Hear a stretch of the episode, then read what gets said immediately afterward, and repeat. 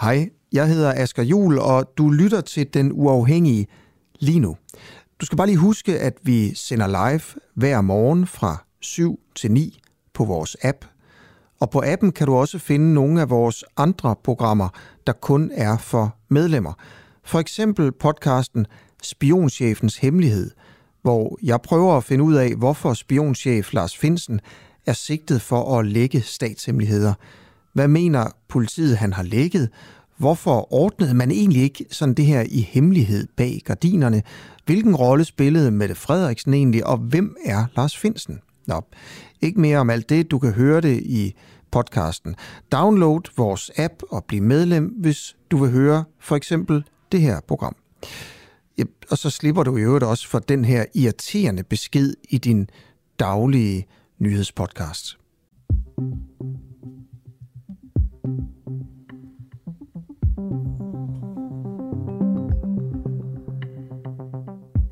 Velkommen til En Uafhængig Morgen med Camilla Boraki og Christoffer Lind.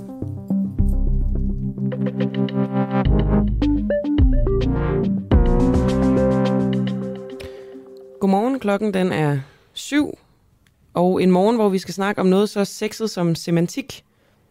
Ja, okay, det var ikke for at, at tale noget som helst ned. Det er faktisk ret vigtigt, det vi skal tale om. Det handler nemlig om demokratiet. Øh, fordi vi skal jo til folkeafstemning den 1. juni. Vi skal stemme om forsvarsforbeholdet. Men hvad skal der stå på stemmesedlen, når vi skal stemme?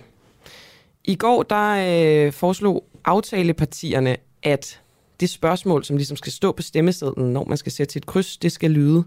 Stemmer du ja eller nej til, at Danmark kan deltage i det europæiske samarbejde om sikkerhed og forsvar? Og det, øh, det har vagt lidt opsigt på i hvert fald sociale medier.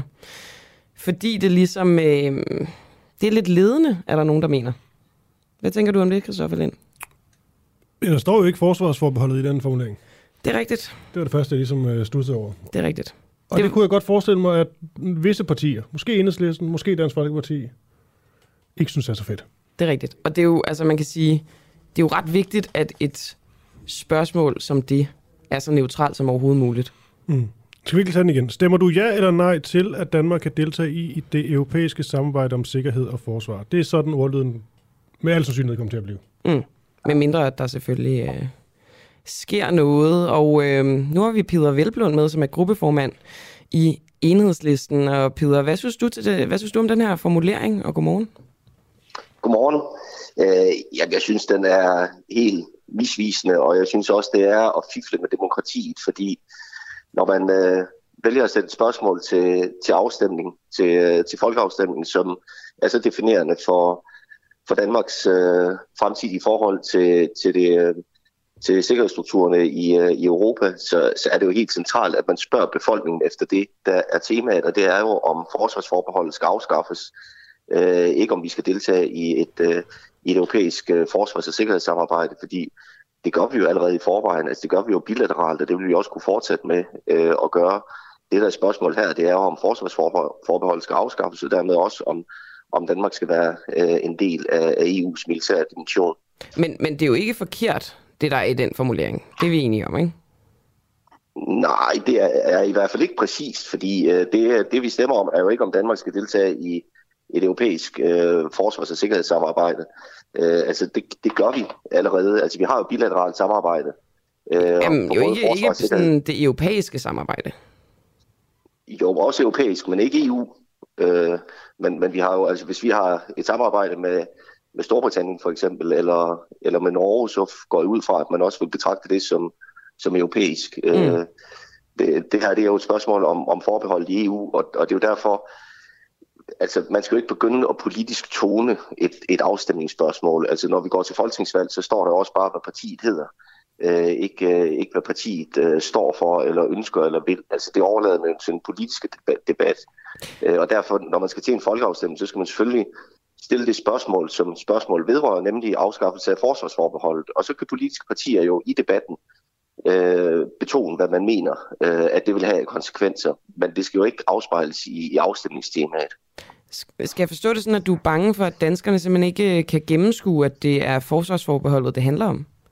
Jamen, jeg har stor tillid til, hvad danskerne kan gennemskue. Jeg synes bare, at det er en demokratisk uskik, og det er demokratisk fifleri, hvis man begynder at, øh, og, og, hvad hedder det, sætte, øh, altså lave politiske toninger i det afstemningstema, der er. Og så er det klart, selvfølgelig er det jo også en form for manipulation. Det er det jo, at når du stiller spørgsmål på en bestemt måde, så øger du også øh, sandsynligheden for, at du får et, et bestemt svar. Det tror jeg alle, der laver meningsmålinger ved. Øh, og det er jo ikke et spørgsmål om, at folk ikke øh, kan gennemskue. Det er et spørgsmål om, om folk ved præcis, hvad det er, de svarer på.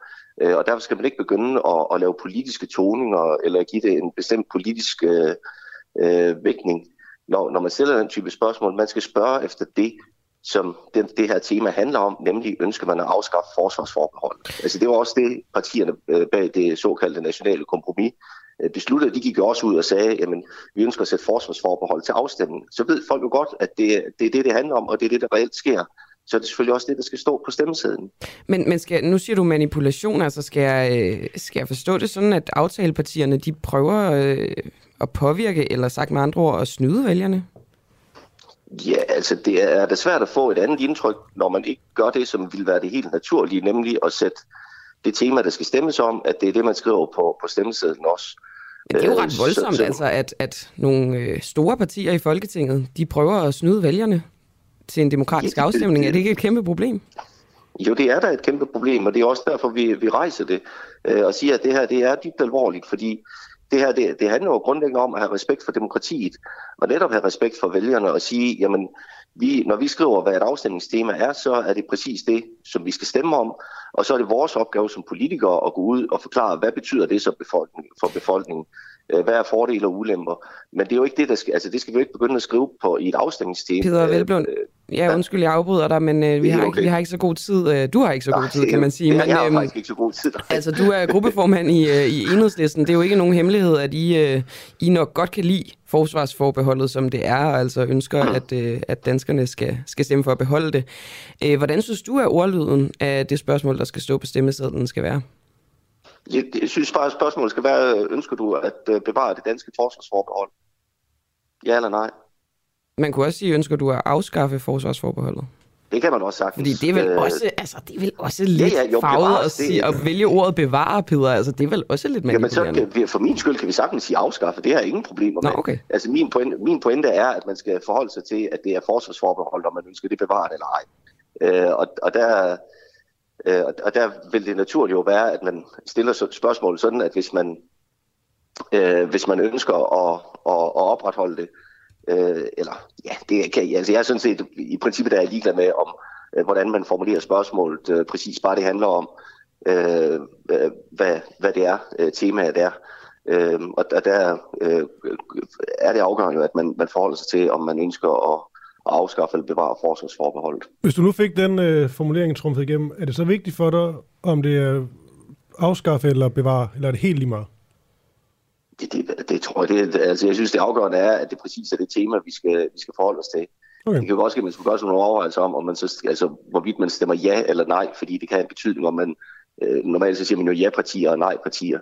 Øh, men men det, altså det centrale er sådan set, at, at det bliver øh, spørgsmål omkring forsvarsforbehold, at det er det, spørgsmål, vi stiller til, til befolkningen, fordi det er det, øh, det her tema, det handler om. Måske skulle man bare skrive forsvarsforbehold, ja eller nej. Ja, det, det er meget neutralt. Nå. det er også meget neutralt, ja. Peter Velblom, øh, gruppeformand i Enhedslisten. Tak fordi du var med. Ja, ja velbekomme. Og godmorgen. Tak lige måde. Eller et mere ærligt forsvarsforbehold. Hvad er det egentlig? Jamen, det, prøver, det diskuterer man stadig jo. Der er så få, der kommer til at helt forstå, hvad det er, de står og stemmer for den dag. Mm. Nå, der er faktisk en, der har skrevet i den lytter. Øh, det er en total vild formulering. Det er helt indlysende, at de prøver at vildlede folk til at stemme ja. Skal vi lige nå Sikander Siddiq? Ja, det skal vi da. Fordi i går, der, øh, der havde vi et lille historie om Sikander Siddiq, øh, formand for Frie Grønne. Han havde skrevet et, et opslag om renovering af Sjælsmark for ukrainske flygtninge. Her skrev han, jeg bliver helt ærligt glad for at se, at regeringen faktisk godt ved, hvordan man behandler flygtninge ordentligt. Det havde jeg efterhånden mistet håbet for, men nu renoverer de Sjælsmark, så der er ordentlige forhold for ukrainer at flytte ind i. Det var så en kvinde ved navn... Øh, Nadia Pedersen. Yes, som kommenterede på, hun skrev blandt andet, at øh, hun synes, det var ærgerligt, når folkevalgte politikere lyver eller digter deres egen historie, fordi det passer bedst ind i deres narrativ, og skrev hun også, at hun var med i udbuddet på Sjælsmark Udrejsecenter, før Rusland angreb Ukraine. Altså bliver Sjælsmark ikke renoveret nu for at tage hensyn til flygtninge fra Ukraine. Og du talte jo med Nadja i går, Mm-hmm. og det kan være, at vi lige skal spille det lille klip. Ja. Så Nadia, øh, er det rigtigt, når øh, Sikander Sadik han skriver, at øh, Udrejsecenter Sjælsmark bliver renoveret til ære for de ukrainske flygtninge? Og godmorgen. Godmorgen. Nej, det er det ikke. I var med i, Men, øh, i, i udbuddet, og hvordan kan du så med i øh, afvise, at det er til ære for de ukrainske flygtninge, at der bliver renoveret på Sjælsmark lige nu? Jamen, det kan jeg, fordi jeg sendte mit tilbud afsted den 13. januar. Så, øh, så, så tilbudene er begyndt at hedde ind, og renoveringen er planlagt lang tid før krigen udbrød i Ukraine. Okay. Ja, okay, og det, det har du dokumentation på? Det har jeg i hvert fald. Alright. Det har jeg i hvert fald. Jeg har vores mails frem og tilbage. Har du lagt den ud egentlig, offentligt? Du har skrevet et Facebook-opslag Nej, selv? nej, det har jeg ikke. Jeg har ikke lagt min mailkorrespondance ud det. Jeg sendte den til jeres øh, hende, der, ring, hende, der skrev til mig i går. Mm. Øh, hvorfor, hvorfor egentlig ikke gøre det? Altså, øh, måske lave det som et opslag på Sikanders øh, opslag? Nå, men Sikander svarer mig jo ikke. Jeg har jo skrevet ind på hans eget opslag. Nå, okay. Han svarer mig ikke. Og vi tænkte jo så, at øh, det vil vi simpelthen gøre, øh, gøre for hende. Giv lidt, lidt hjælp med, med Duas øh, øh, ryg på en eller anden måde. Og øh, så skrev vi et opslag. Spreder du fake news i Kanter Sedik? Det hævder Nadia Pedersen, som vi havde med her til morgen. Og hvad skete der så? Jamen, altså, vi prøvede at nå ham på forskellige øh, kanaler. Vi prøvede selvfølgelig også at ringe til ham og få et interview, men det kunne ikke lade sig gøre. Og så skriver Sikander Sadik som et svar på vores opslag på Twitter. Det var jeg ikke klar over, og jeg har ikke set Nadjas kommentar på Facebook. Selvfølgelig skal folketingspolitikere ikke sprede falske informationer, derfor har jeg også slettet opslaget nu. Jeg var for hurtig på tasterne, og det beklager jeg selvfølgelig mange gange. Hurtige fingre, 2022's øh, folkesygdom, kan man sige. Det må man sige. Men altså, vi fik en øh, beklagelse, og så er det jo bare videre. Det må man sige. Per Brandgaard, godmorgen. Godmorgen. Du er fra øh, det, der hedder Frihedslisten, og du øh, var ude og demonstrere. Det var sådan en klinketlonke demonstration, hvad man nu kalder det. Og det var da Zelensky han holdt øh, tale. Så vidt jeg dog kunne forstå, så handlede det mest om Mette Frederiksen, det I ville demonstrere imod. Men hvorfor valgte I ligesom det tidspunkt af alle at stå på, hvor Zelensky han holder tale til danskerne? Ja, altså nu var jeg der jo sådan set ikke for, øh, for frihedslisten, men jeg var der som, øh, som journalist, og øh, var der for at dække øh, begivenheden, og interviewede blandt andet øh, en fremmødt journalist fra øh, Ekstrabladet. René viste sig, Fredensborg? René Fredensborg? ja, det Ja. viste sig, at han kunne ikke øh, kende forskel på journalistik og propaganda. Øh, Spørgsmålet er, om I kan det her. I kalder jeg jo de uafhængige, eller den uafhængige, så om der ikke er andre uafhængige. Så hvad, hvad er forskellen egentlig på journalistik og propaganda? Er det det, vi skal diskutere nu? Det ved jeg ikke. Og det ved jeg heller ikke. Altså, Hvem, hvem, var, du, hvem var du udsendt for? Udsendt for. Hvad mener du med det? Du sagde, du var der som journalist. Ja, ja, jeg er selvfølgelig selvstændig. Det er den eneste måde, Nå, man kan være det- uafhængig på. Nå, det kunne jeg da ikke vide. Det skulle jeg da lige høre. Det burde du da vide. Den eneste måde, man kan være uafhængig på, det er ved at være selvstændig i denne verden. Okay. Alright. Jamen, øh, det kunne man også sagtens diskutere, Per Brandgaard, men øh, for vi lige at vende tilbage til demonstrationen, som du så deltog i som journalist. Øh, ja. altså, du afdækkede den, siger du så. Du var ikke med til at demonstrere og, og råbe ting og så videre. Det er fuldstændig øh, korrekt. Jeg gik og filmede, Alright. og øh, det har jeg sådan set lagt ud øh, fuldstændig øh, uredigeret.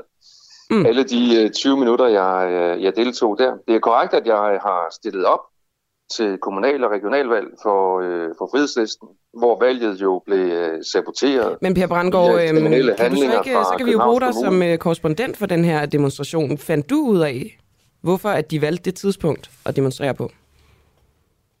Øh, så vidt jeg er orienteret, så var det jo fordi, at øh, den øh, ukrainske skuespiller slash øh, komiker, der er indsat som øh, præsident i øh, Ukraine, han skulle holde øh, et eller andet show øh, live transmitteret øh, i Folketinget og til, øh, til det danske folk. Og øh, så er det mit indtryk, at, at folk fra, fra frihedslisten var øh, utilfredse med den ensidige øh, dækning af det, der foregår i øh, Ukraine, hvor man øh, til sydlandet udelukkende må høre på, på NATO, NATO-propagandaen, men det er jo for så vidt Men er du, ikke selv, nok. men er du ikke selv en del af frihedslisten? Jeg er som sagt jeg stillede op der, og er ikke en del af frihedslisten øh, længere, nej. Okay. Okay, Men øhm, nu har, nu har jeg mig jo live, så det, øh, det er jo helt fantastisk. Ja, det synes jeg også. Øh, Men Per, man ikke forskel øhm, på journalistik og propaganda? Nej, nej, det var, det, I det, er, med det, er, det var det i forhold til uh, din tilknytning til frihedslisten, når du siger, at du er så fuldstændig uafhængig, men så dem, du afdækker, det er jo folk primært fra frihedslisten, hvor du i hvert fald selv har været aktiv før. Øh, ja, og, øh, og jeg støtter helt klart øh, frihedslisten. Så jeg støtter alle, der arbejder for frihed. Men er du så ikke også er du så, er du så ikke, er du så ikke lidt biased i din journalistik?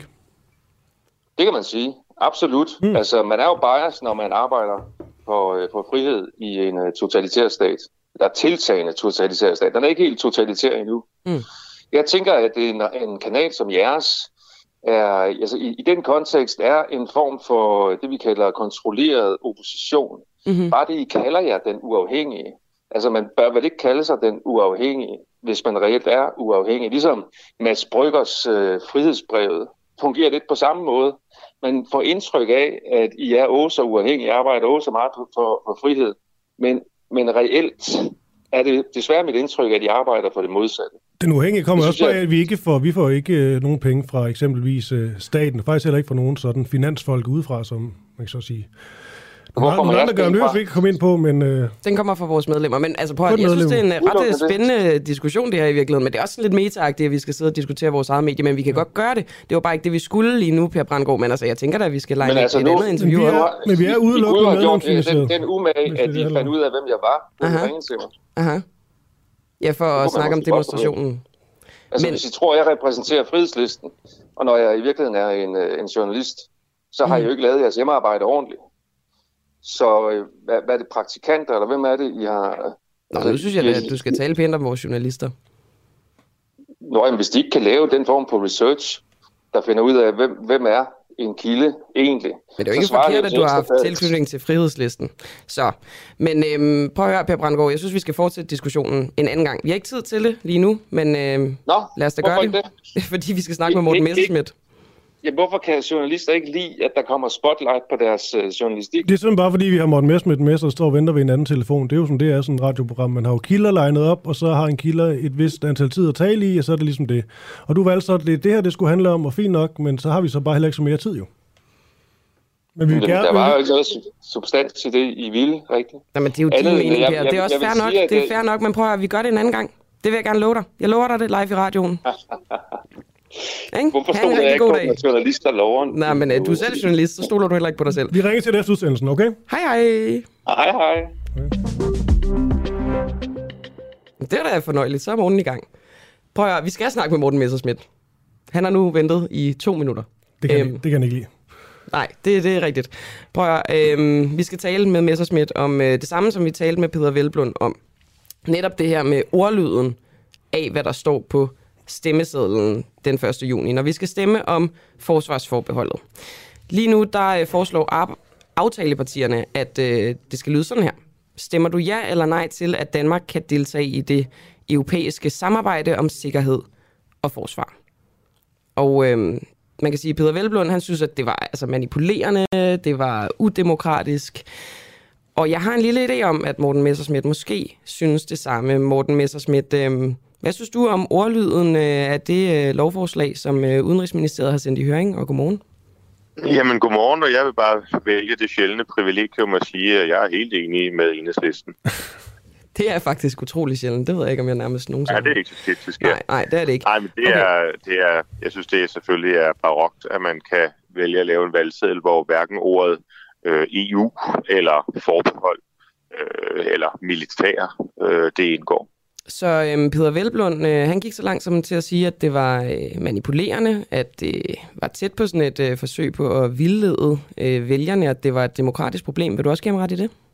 Ja, jeg sammenligner det i går med øh, George Orwells øh, novelle 1984, hvor man har sådan et begreb, der hedder newspeak, altså hvor, hvor ting begynder at få en, en, et, et, nyt, øh, et nyt navn, som er, som er mere sådan venligt øh, i, i forhold til, hvad vælgerne gerne vil høre. Men, øh, og det er der jo tale om her. Altså, når man for eksempel taler om et europæisk samarbejde, øh, så kunne man jo godt forledes til at tro, at det er noget, der også inkluderer Norge og Storbritannien og Island osv. Og så derfor bør der selvfølgelig stå, øh, at det er et EU-samarbejde. Så vi kommer helt sikkert til at stille et ændringsforslag til loven her, når den skal, øh, når den skal behandles i Folketinget. Men faktisk, øh, nu kigger lige på Camilla, da vi talte med øh, Velblund, der var det jo ikke noget med militær eller EU, der skulle med i formuleringen, var det det? Nej, han sagde, øh, ønsker du at bevare forsvarsforbeholdet? Han gik også med på, at vi kunne sige, ønsker du at afskaffe forsvarsforbeholdet? Hvad synes du om den formulering? Ja, så altså, om det er bevare eller, eller afskaffe, det er hip som har. Altså, det er selvfølgelig ret af, afgørende for, om folk de ved, at de skal stå trykke ja eller eller krydse ja eller nej. Ja, det kan man sige. Men, øh, men øh, det er, jeg synes, det er vigtigt, at der står øh, forbeholdet, altså at folk har en fornemmelse af, at det er det, vi, vi stemmer om. Men så skal man jo heller ikke undervurdere, altså vi vil jo de næste par måneder her tale rigtig, rigtig meget om det her, og altså uden at der skal sådan gå politiske analytiker i det, så vil jeg da sige, at jeg tror, der er langt hen ad vejen, regeringen gør sig selv en, en bjørnetjeneste her, fordi mange mennesker, det kan jeg da i hvert fald se på, på min Facebook og andre steder, hvor man kommer øh, og debatterer det her, de er sådan forarvet over det. Altså, fordi man kan godt se, at det her det er et forsøg på at, øh, at få folk til at se sådan umiddelbart positivt, sådan forlede dem, få dem hen i retning af at stemme ja. Altså, hvem er ikke for et, et samarbejde om sikkerhed i Europa? Det lyder da meget rart, ikke? Altså, øhm, hvor man ligesom får folks tanker i en bestemt retning. Og det tror jeg egentlig, folk er kloge nok til at gennemskue. Men Morten hvis du både vil have forsvarsforbeholdet med, EU og militær og sådan noget, så lyder det også til, at det kan blive en meget lang formulering. Hvad foreslår du selv? Jamen, jeg, jeg er helt indforstået med, at det kan ikke være det hele. Vi foreslår det, jeg skrev på Facebook i går, at øh, man siger, ønsker du at afskaffe e, øh, EU-forsvarsforbeholdet? Okay, den, den fungerer. Den ligger så også ja, meget af enhedslisten. Det synes jeg er sådan øh, rimelig tilgængeligt. Jeg tror, det er det, som de fleste mennesker tænker øh, over, hvad der skal ske den, den 1. juni. Øhm, og ender det så med, at vi øh, forsvarsforbeholdet i EU eller eller andet, det, det arbejder vi med. Men det, der er problematisk, det er selvfølgelig, at man taler om europæisk, øh, når det, der er, det er EU. Altså Europa består jo af 50 lande. EU øh, har for tiden øh, kun 27. Ikke? Mm. Ja. Alright, Morten Messersmith. Jamen, tak for det input. Jamen, øh, kan I have en god morgen? I lige måde. I lige måde. Tak, hej. Hej. Sender vi flygtningen tilbage til henrettelse. En øh, meget voldsom situation udspillede sig uden for hjemrejsecenter Avnstrup i tirsdags, da en udvist kvinde blev fastholdt på jorden af fire personer. Det viser en video, som blev delt på Twitter herunder af flere politikere. Camilla, du har, ligesom jeg og så mange andre, også set denne her video. Kan vi sådan beskrive den helt kort, tror jeg? Ja, altså den er jo øh, lidt dårligt filmet, og nogle gange så står der ja. lidt øh, forskellige folk. Der er ret mange folk til det her, men der er nogle, øh, nogle store biler, og så er der ligesom en lille, hun er, det er en lille kvinde, ikke? Øh, iransk-kurdisk kvinde, øh, som er omringet af nogle forskellige folk, mænd og kvinder. Og så står de og snakker i ret lang tid. Øh, og der er egentlig ikke så meget i det. Og så lige pludselig, så, så er hun så nede på jorden, øh, og bliver holdt fast, og hendes hoved bliver holdt fast ned mod jorden, og så er det så, at hun får en, øh, en sprøjt. Altså, jeg kan faktisk ikke rigtig se, at hun får sprøjten, men, men det er ligesom det, som, som andre øh, har set. Og Gino Victoria Duabi, hun er medlem af Radikale Venstre og tidligere kandidat til Københavns Borgerrepræsentation. Repræsentation. Hun skrev på Twitter, en øh, kurdisk-iransk mor er lige nu blevet sprøjtet til ro, så danske myndigheder kan sende hende plus to børn tilbage. Kan forsikre jer, den kvinde bliver henrettet. Jeg ved, at det var min mors skæbne som kurdisk kvinde i Iran. Og så har hun øh, nævnt Mathias Tesfaye og skriver, at du får blod på hænderne. Det er jo en rimelig markant udmelding, det her. Og Gino, du er med her til morgen. Du skrev jo, at denne her kvinde bliver henrettet, hvis hun bliver udvist. Hvor, øh, hvor ved du egentlig det fra? Godmorgen. Godmorgen. Øh, jamen, altså, jeg tror, man skal øh, i virkeligheden forstå den kurdiske historie og den øh, evige undertrykkelse, øh, som det iranske præstestyre i øvrigt andre regimer har udsat øh, kurdisk, den kurdiske befolkning øh, for, øh, og i øvrigt også øh, sine egne. Øh, jeg er selv, øh, jeg har selv kurdiske rødder, og jeg kommer fra Kurdistan og er født øh, øh, i øh, Kurdistan og er blevet undertrykt af den iranske præstestyre. Og grund til, at jeg ved, øh, at det her det er Øh, det, der kommer til at ske, det er for det første, at handler det om en kvinde. Øh, det er en ting. Det er hendes køn, der er et problem. Og for det andet, så er hun kurder. Det er hendes øh, etniske baggrund, der er et problem. Øh, tre, så er det hendes politiske baggrund, der er et problem. Øh, den her kvinde. I, I det faktum, at hun er i Iran, det øh, siger sig selv øh, øh, over på det iranske præstestyre, at hun er et problem. Mm. Øh, og, vil, og, og, jeg, og jeg ved også, at kurdiske, det kurdiske folk, og især kvinder, er blevet brugt som eksemplarer for iraner, øh, for hvad det vil ske ved dem, øh, hvis øh, de lavede oprør, eller hvis de gjorde et eller andet.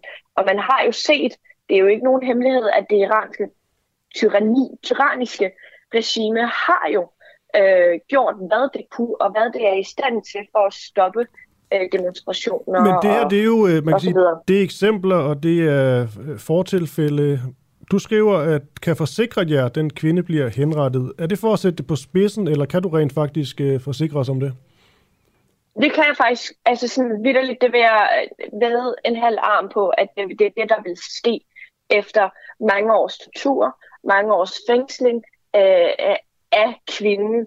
Øh, især fordi, altså sådan, øh, mennesker forsvinder øh, i Iran. Og det gør kurdiske folk. Øh, de forsvinder. Et problem bliver løst på den her måde. Jeg prøvede at forklare det sådan til en af mine danske veninder. Har du set Handmaid's Tale, spørger jeg hende. Så siger hun, ja, det er det, der, der, der, der sker øh, med, med kvinder og, og, og hvad det iranske præstestyre er i stand til, udover at der ikke er en, et, et hjem, du skal ligesom øh, gøre rent og, og blive voldtaget Og det er jo også, et par. trods alt også fiktion. Det er trods alt fiktion, men det er faktisk også baseret på mange sande, okay. sande ting øh, i, i, i et samfund. Gino, du skriver også, at øhm, jeg ved, at det var min mors skæbne som kurdisk kvinde i Iran. Ja. Blev din mor henrettet? Det har jeg faktisk bedt din, øh, din øh, øh, kollega, der har ringet til mig, at det vil jeg overhovedet ikke have på nogen som helst måde at bliver nævnt i radioen. Fordi det er, øh, jeg fik formuleret mig forkert. Selvfølgelig er min mor ikke død. Øh, men det står i dit tweet. Jeg læser jo bare, hvad der står i tweetet lige nu. Ja, men nej, hun er ikke død. Jeg fik formuleret mig forkert, men hun, min far og min mors skæbne var øh, en henrettelse, hvis ikke vi nåede at flygte. Okay, men du skriver jo, ja. kan, kan forsikre jer, at den kvinde blev henrettet. Jeg ved, at det var min mors skæbne. Det er lidt svært at tolke anderledes, når man lige læser det første gang. Ja, men jeg har, jeg, jeg, jeg er med på det. Du har et vis antal af tegn, du skal holde dig indenfor. Jeg er kommet til at formulere mig forkert, og folk har også spurgt ind i tråden, og jeg har også svaret, min mor er ikke død. Okay. Hvad, hvad, hvad er dit... jeg, synes ikke, vi skal køre mere i det. Nej, så vil, jeg, siger, så vil jeg bare gerne lige høre, fordi at der er jo mange af vores lyttere, der ikke lige har læst den Twitter-tråd. Hvad er dit svar så, ja. altså, altså denne her formulering? Hvad var det så, du vil sige? Jeg vil gøre opmærksom på, at de, de, de danske myndigheder sender, øh, sender en øh, kurdisk kvinde tilbage til Iran øh, med et udløbet pas med meget voldsom magtanvendelse, øh, som, som bliver brugt på hende foran hendes børn og en masse andre folk. Øh, og så i øvrigt har vi ikke en udleveringsaftale øh, øh, med Iran. Og så for det andet, for at bare gøre det helt konkret, for at fortælle folk, det her det er meget konkret. Det her det ville have været min mor og fars skæbne. Min mors skæbne, i hvert fald som kvinde, nu nævnte jeg kun min mor, øh, for at gøre det relaterbart. At det, det, det her det er især skrøbeligt, fordi det er en kvinde. Øh, øh, for at gøre det, sætte, det, sætte det også på spidsen, men også for at virkelighedsgøre det. Mm. Men vi, hvad ved ikke, hvad, vi gang i? Men, men vi ved jo ikke, hvad denne her kvindes skæbne vil være. Det er jo stadigvæk gætterier, trods alt. Kristoffer, prøv at høre her. Jeg forstår godt, at det kan være rigtig, rigtig svært for øh, mennesker som dig og det danske øh, folk, fordi vi lever i et privilegie, øh, privilegeret samfund, i et mm. meget trygt samfund, hvor det her, det lyder så overdrevet. Det lyder så overdrevet. Det lyder så måske. Men når man er kurder, når man har oplevet det, når man har været under præstestyret, når jeg har læst min fars journal, når jeg har læst min mors journal, så ved jeg, hvad det er, de er i stand til. Det her, det er ikke overdrevet for mig. mm. og, og, og påstå, at nogen bliver henrettet i Iran. Det er jo bare en ting, man så, når man gik ud af gaden. Så så man nogen blive henrettet. Det er ikke en ting, der, der er unormal eller overdrevet. Prøv at, mig... jeg, jeg, jeg forstår dig godt. Min far han er selv flygtet fra Iran. Jeg, jeg er helt med på det, du siger. Men, men trods alt, så er det jo, øh, hvad skal man sige, dine oplevelser er jo dine oplevelser. Øh, der skal jo en eller anden form for, for officiel vurdering til, om hun er i fare eller ej. Øhm, og det er, jo, det er jo ligesom, om der er to sider af den her sag. Det har, der, der... Men det, det er også helt fair, men Amnesty har i øvrigt også øh, mm. været ude at ja. sige, at hendes, hendes liv er netop i fare. Ja. Men, men, men der er jo ligesom to dele af det her. Der er dels den måde, hun bliver behandlet på ved udsendelsen, og så er der så, om, mm. om hendes liv er i fare det her med, med det, som I kalder den brutale behandling af hende, altså når jeg ser videoen, så ved jeg jo faktisk ikke, hvad der er gået forud for, at hun øh, bliver lagt ned på jorden og får den her sprøjte, fordi der ikke er lyd på. Ved du, hvad der er gået forud? Ved du, hvad der er blevet sagt øh, og gjort? Nej, det ved jeg faktisk ikke. Det ved jeg ikke. Okay, fordi altså i princippet, og det er jo spekulationer det hele, men der kan jo være sket alt fra, fra ingenting til, at hun har sagt, hun vil gøre skade på sig selv, for eksempel. Så vi ved det jo faktisk ikke hvor brutalt Nej. det her i virkeligheden er. Men det kunne hun også godt have, øh, altså det kunne hun godt have sagt. Men er, er det så ikke lidt hurtigt, at I er ude ligesom at sige, at det er en forkert behandling af hende? Nej, altså man behandler, prøv at der sidder fire politibetjente ovenpå hende. Og en anden, der gør et eller andet ved hende. Sidder de ovenpå hende, eller sidder de rundt om hende? Der, der, der er beskrevet i uh, en artikel, at der er fire mennesker, der sidder ovenpå hende. Men du har også set, har du også, har set videoen. Sidder de ovenpå hende, eller sidder de rundt om hende? Ja, de sidder nemlig ovenpå hende. Okay. Og, og det gør de på et tidspunkt. Og jeg har også talt med nogen, der har været der, og har mm-hmm. overvejet det. Øh, så det er andenhåndskilde. Øh, så nej, jeg var der ikke. Øh, jeg ser en video, der er taget, øh, ikke ud af kontekst, men jeg ved i hvert fald ikke, hvad der er sket for enden. Okay. Og det her med den her sprøjte, Altså, du skal ja. jo sprøjte hende til ro. Det, altså, det, er jo, det lyder jo brutalt, kan man sige. Det, det bliver jo brugt ind imellem, kan man sige. Så hvordan ved du, at det ja. ikke har været en fordel for kvinden at få den sprøjte? Hvornår er det en fordel at bedøve et menneske, der ikke er psykisk syg? Altså, vi ved jo ikke, om hun har sagt, at hun vil begå selvmord, for eksempel. Og hvordan, øh, hvad skulle en sprøjte gøre ved et menneske, hvor der er 20 mennesker, altså vidderligt, der står omtrent 10 mennesker om hende. Hvad mm. skulle hun gøre ved sig selv?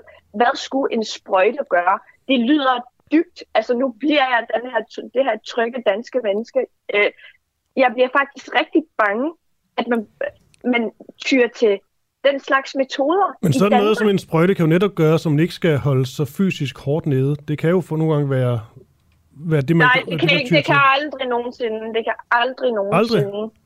Og nej, det kan aldrig nogensinde øh, legitimeres, at man bedøver en kvinde, bare fordi hun går modstand. At hun ikke vil afsted. Og det er den mm. måde, vi debatterer folk. Det her det handler ikke om et menneske, der er i gang med at gøre, selv, gøre selvskade på sig selv, eller at hun er på vej ind til et psykiatrisk afdeling. Det her, det er et menneske, der bliver øh, død for at blive tvangsdeporteret. Og det her, det sker for øjnene af hendes børn. Det kan aldrig okay. legitimeres. Mm. Gino, der er mange følelser i, uh, i det her. Vi, uh, vi lukker ned nu, men uh, vi vil bare lige sige tak, fordi du var med. Du er medlem af Radikale Venstre og tidligere kandidat til Københavns Borgerrepræsentation, og så hedder du Gino Victoria Duabi. Tak for det. Det er bare i orden. Hej God, god dag. Så har vi fået besøg af studiet af Monika Lyl Lylloff. Jeg ved ikke, om det er rigtig uh, udtalt, Monika. Jo, det er helt rigtigt. Uh, mikrofon. Nu får jeg trykket på alle knapper. Du, Sådan der. Du slukkede for samtlige mikrofoner. Lad nu være med. Lad nu være med at out mig på den måde, Christoffer. Nå, prøv at, Monika, vi skal tale om, om øh, politikerne bevidst har ignoreret problemer på handicapområdet. Fordi sidste år der meddelte Rigsrevisionen, at de ville undersøge forvaltningen af netop handicapområdet. Og nu er undersøgelsen så færdig, og Rigsrevisionen den retter en altså massiv kritik imod forvaltningen. Øhm, det er dog ikke nyt for alle, at der har været store problemer på handicapområdet, og heller ikke nyt for dig, Monika, går ud fra. Du er jurist og stifter af bevægelsen 1 million stemmer. Kan du lige kort fortælle, hvad det er?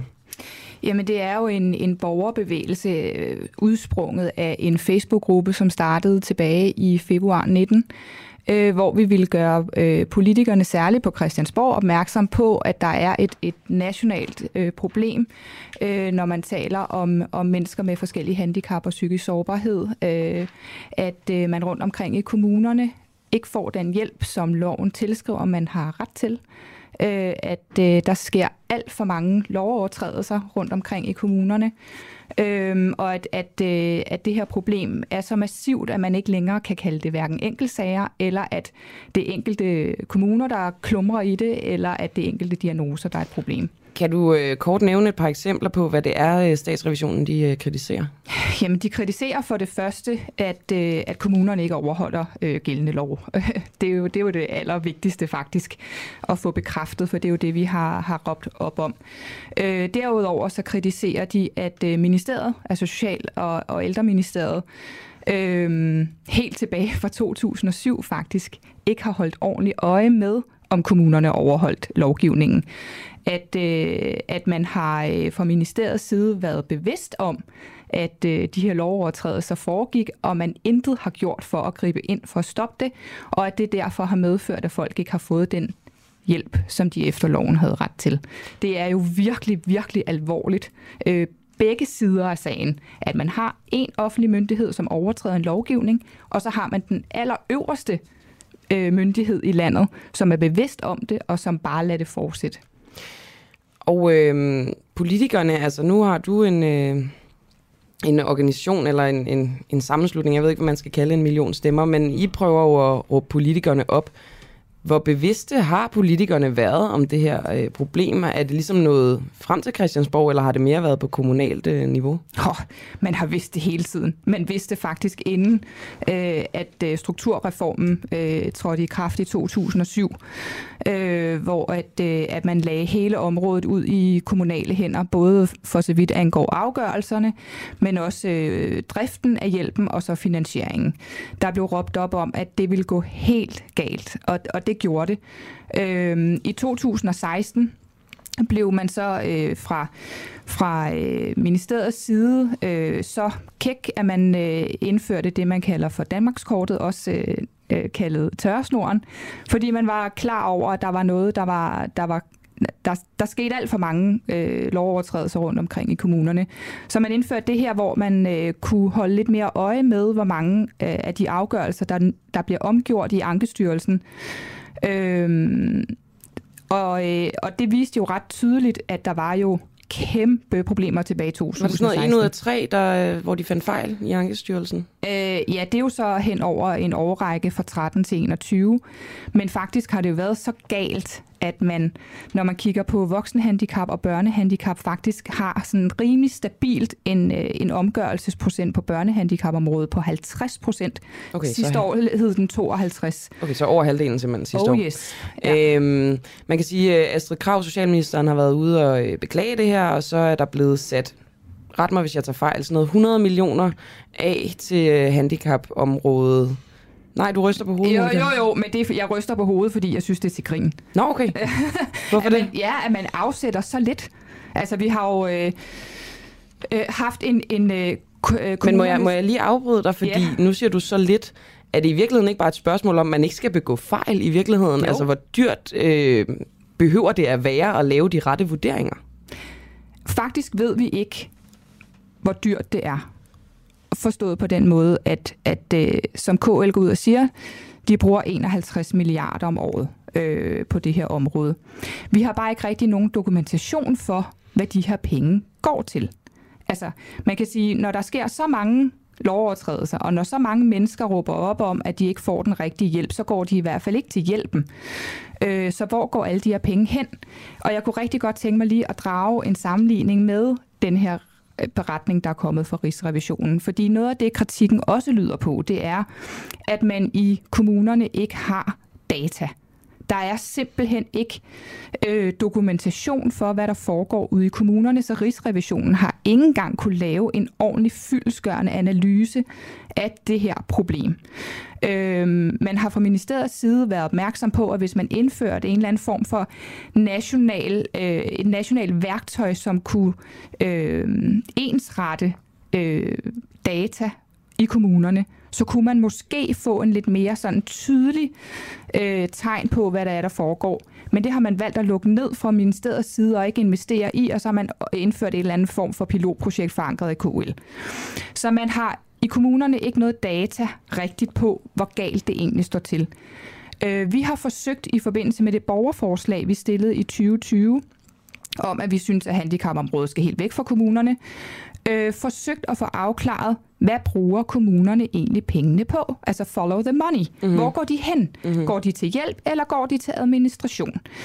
Øh, det, der blev stillet øh, spørgsmål til ministeren fra øh, Social- og Ældreudvalget, øh, hvor man spurgte, hvor mange penge brugte kommunerne og Ankestyrelsen på klagesager på handicapområdet i 2020. Ankestyrelsen kunne svare, at man brugte 41 millioner kun på at behandle klagesager på handicapområdet i 2020. Kommunerne kunne desværre ikke svare, for det kunne man ikke opgøre via deres kontoplaner. Men man kan sige, hvis der skal samles data, altså det er jo endnu mere administration på en eller anden måde. Mm, men er det ikke rimeligt, at man fra en offentlig myndigheds side kan redegøre for, hvad man rent faktisk foretager sig? Hvad man, hvilke afgørelser man træffer? Hvordan det ser ud?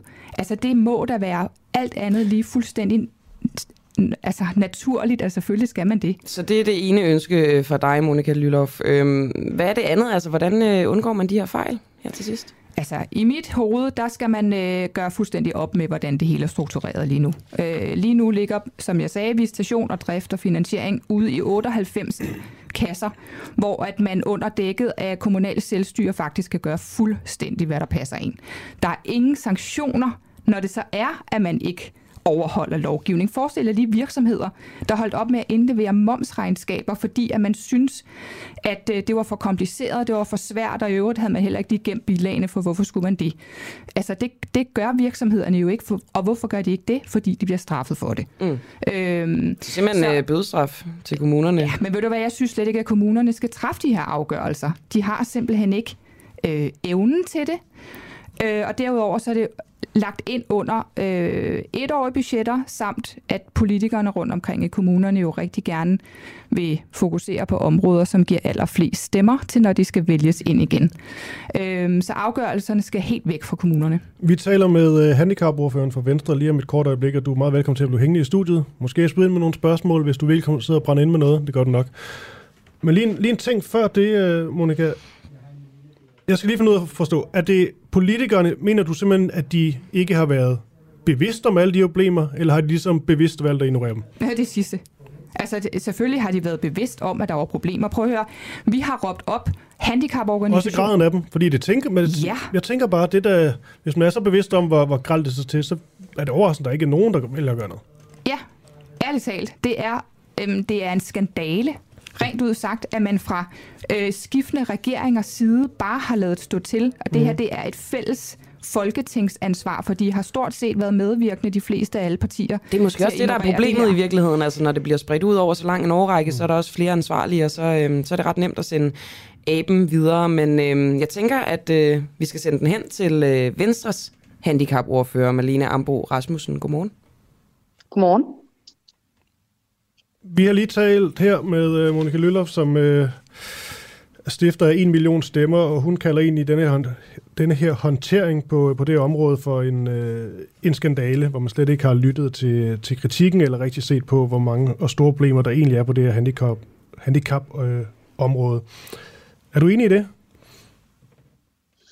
Ja, jeg er i hvert fald enig øh, i Monika omkring handicapområdet, at det er et kæmpe problem øh, og har vist over alt, alt for mange år. Og det generelt, desværre må man bare sige, trods man også i nogle kommuner har forsøgt at lave nogle nye strukturer, nogle nye ændringer, forsøgt at fokusere på det, har hentet noget hjælp udefra med noget ekspertise, både på noget taskforce gennem Socialstyrelsen, eller har ansat nogle folk, som skulle være bedre til at håndtere området så er så summarum bare, at hvis man sådan kigger på det all around, og der er stadigvæk nogle kommuner, bliver lige nødt til at huske at sige, øh, at der faktisk gør det godt på det her område, men sådan strukturelt set og sådan landstækkende på hele, hele, hele landet rundt, der er det bare et problem, at det her område ikke bliver håndteret rigtigt, desværre. Okay, nu meldte øh, Rigsrevisionen sidste år, at de ville undersøge forvaltningen af handicapområdet, og øh, nu er undersøgelsen her færdig, og den retter altså en massiv kritik mod forvaltningen. Kommer denne her kritik som en en overraskelse for dig, eller hvor stor den er? Jeg tror ikke, kritikken kommer som en kæmpe overraskelse for os, der, der arbejder med området. Nu er jeg relativt ny socialordfører i forhold til de andre socialordfører.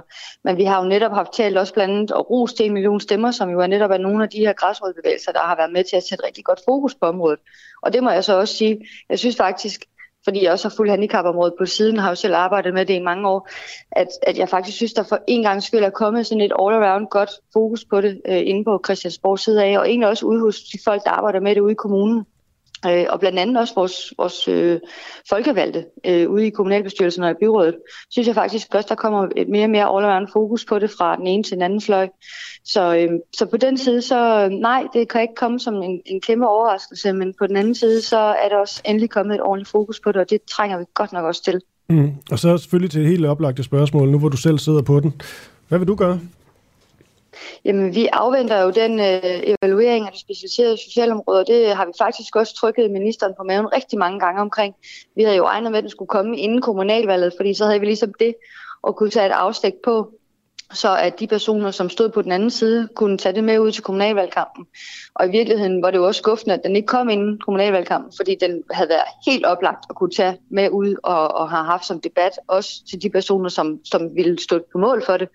Øh, og det er bare beklageligt, og vi rykker stadigvæk for, at den kommer, fordi netop evalueringen af det specialiserede socialområde er jo det, som ministeren hele tiden har sagt, at hun ikke kunne tage stilling til, hvad vi skulle gøre på handicapområdet, blandt andet øh, evalueringen af det specialiserede socialområde. Det er jo så det hele store, men der er jo, handicap er jo en stor del af det handicapområdet. Øh, så derfor så er det jo sådan lidt absurd, at vi sidder nu et år efter, hun egentlig på første omgang lovede, at, at man ville have den her evaluering, der ville forelægge, og stadigvæk ikke har den, fordi det er det, ministeren har skubbet foran sig, som var ligesom en undskyldning for, at vi ikke øh, gik i gang med for alvor og ælte det her område, virkelig finde ud af, hvad er det så, vi skal gøre? Okay, Marlene Ambo Rasmussen, vi har jo Monika Lyllofs med i, øh, i studiet, og hvis det er okay med dig, så vil jeg også lige lade hende stille et, et spørgsmål. Er det okay? Gerne. Godt. Meget gerne. Hej Malene. Hej. Øhm, må jeg ikke lige stille dig et spørgsmål? Fordi nu, øh, nu bliver den her evaluering, som øh, Astrid Krav i gang satte i 2020, igen brugt som, som en undskyldning for ikke at gå i gang med at stille nogle relevante øh, forslag til forandringer, eller øh, i øvrigt øh, lægge massivt pres på en regering, der kun består af et parti, og derfor kunne I faktisk rundt om øh, tvinge regeringen til at foretage sig bare en lille bit smule på det her område. Øh, nu har I en øh, fin beretning fra Rigsrevisionen, som faktisk beskriver problematikken, og som faktisk allerede nu øh, beskriver, at der ikke er ordentligt data på området. Hvordan kan I så forvente, at den her evaluering, som er blevet brugt som syltekrukke på ikke at lave noget som helst øh, forbedring, øh, kan give et andet billede end det, som Rigsrevisionen har været i stand til at give? Mm.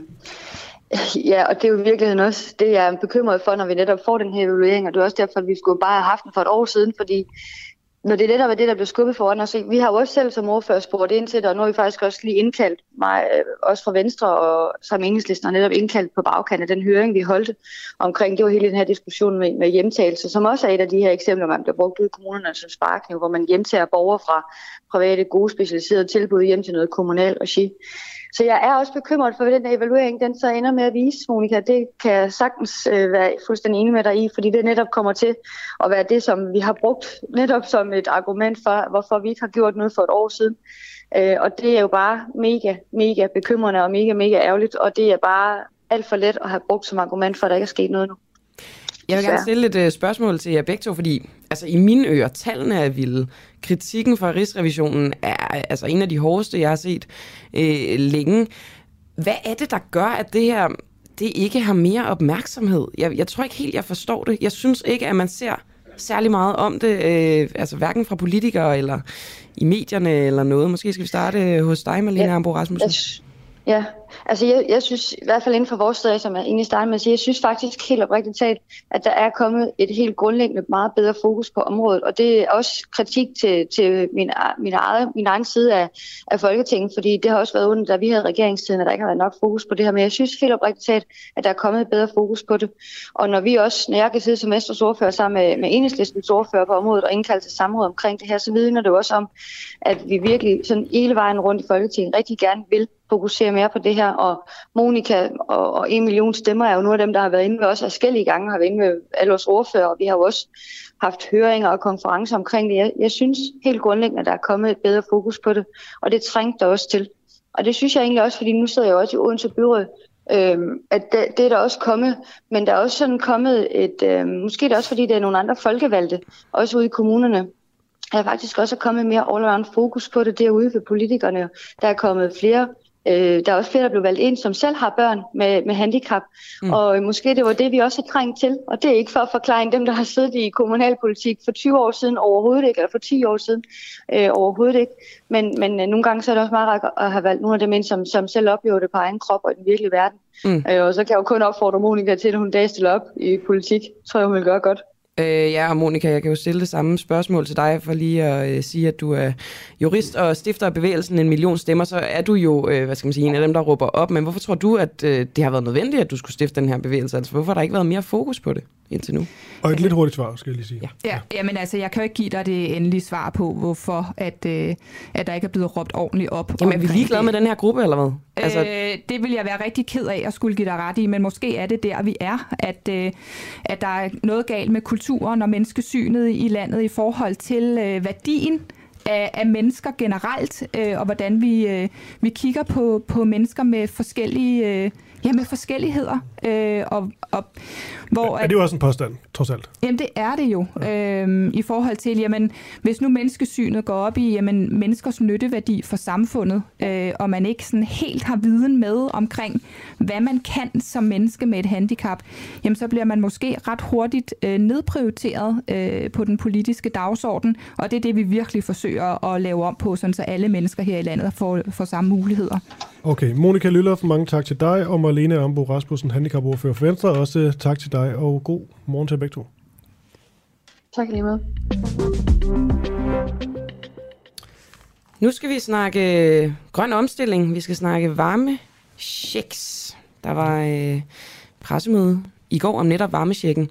Og arbejder klimaminister Dan Jørgensen mod den grønne omstilling, når han uddeler de her varmechecks? Fordi han vil øh, give ekstra penge til de danskere, som øh, kommer til og som allerede oplever højere varmepriser. Og det er jo så, de penge, de skal så komme i form af den her såkaldte varmesjek. Men checken, den kommer først til august, og det kan muligvis have nogle øh, alvorlige konsekvenser. I går der øh, præsenterede regeringen og en øh, række partier, SF, Radikale, Enhedslisten, Fri Grønne, Alternativet og Kristendemokraterne, en tillægsaftale med en yderligere milliard kroner til ekstra varmehjælp. Og de her penge de skal så gå til at øge varmesjekken og give endnu flere husstande del i hjælpen, som jo kommer sig af, at øh, energipriserne de øh, skyder i vejret på grund af forskellige øh, ting, altså ja, selvfølgelig krigen øh, i Ukraine, men også forud for det var der jo allerede stigende varmepriser, øh, og det er ligesom derfor, at Folketingets partier er gået sammen om den her aftale. Og nu skal vi tale med Camilla Tingvad, som er direktør i energiproduktion og udvikling i Green Power Danmark, og som tidligere har øh, arbejdet for Dansk Energi. Og øhm, vi skal ligesom snakke om, hvad konsekvenserne vil være ved at uddele denne her øh, varmesjek, for man kunne godt tænke, mm, måske det i virkeligheden er sådan en form for selvregulering, altså øh, at folk de skal fryse, og så vil, så vil det være en god ting for, hvad skal man sige, vores øh, CO2-udledning på en eller anden måde. Ikke? Øhm, men det spørger vi Camilla Tingved om, og jeg tror, at hun er med os. Camilla, hvad vil konsekvenserne være ved at uddele de her varmechecks, og godmorgen? Ja, godmorgen. Øh, altså først så vil jeg sige, det er jo klart, at der er nogle familier, som er trængte, og hvor den her varmecheck øh, falder på et tørt sted, og det synes jeg også, man skal have respekt for. Øh, men det at uddele sådan en varmecheck er jo ligesom en symptombehandling. Øh, gasprisen bliver ved med at være høj øh, i de kommende år, og det vil sige, at det løser jo ikke det grundlæggende problem, at vi har gas i vores opvarmning.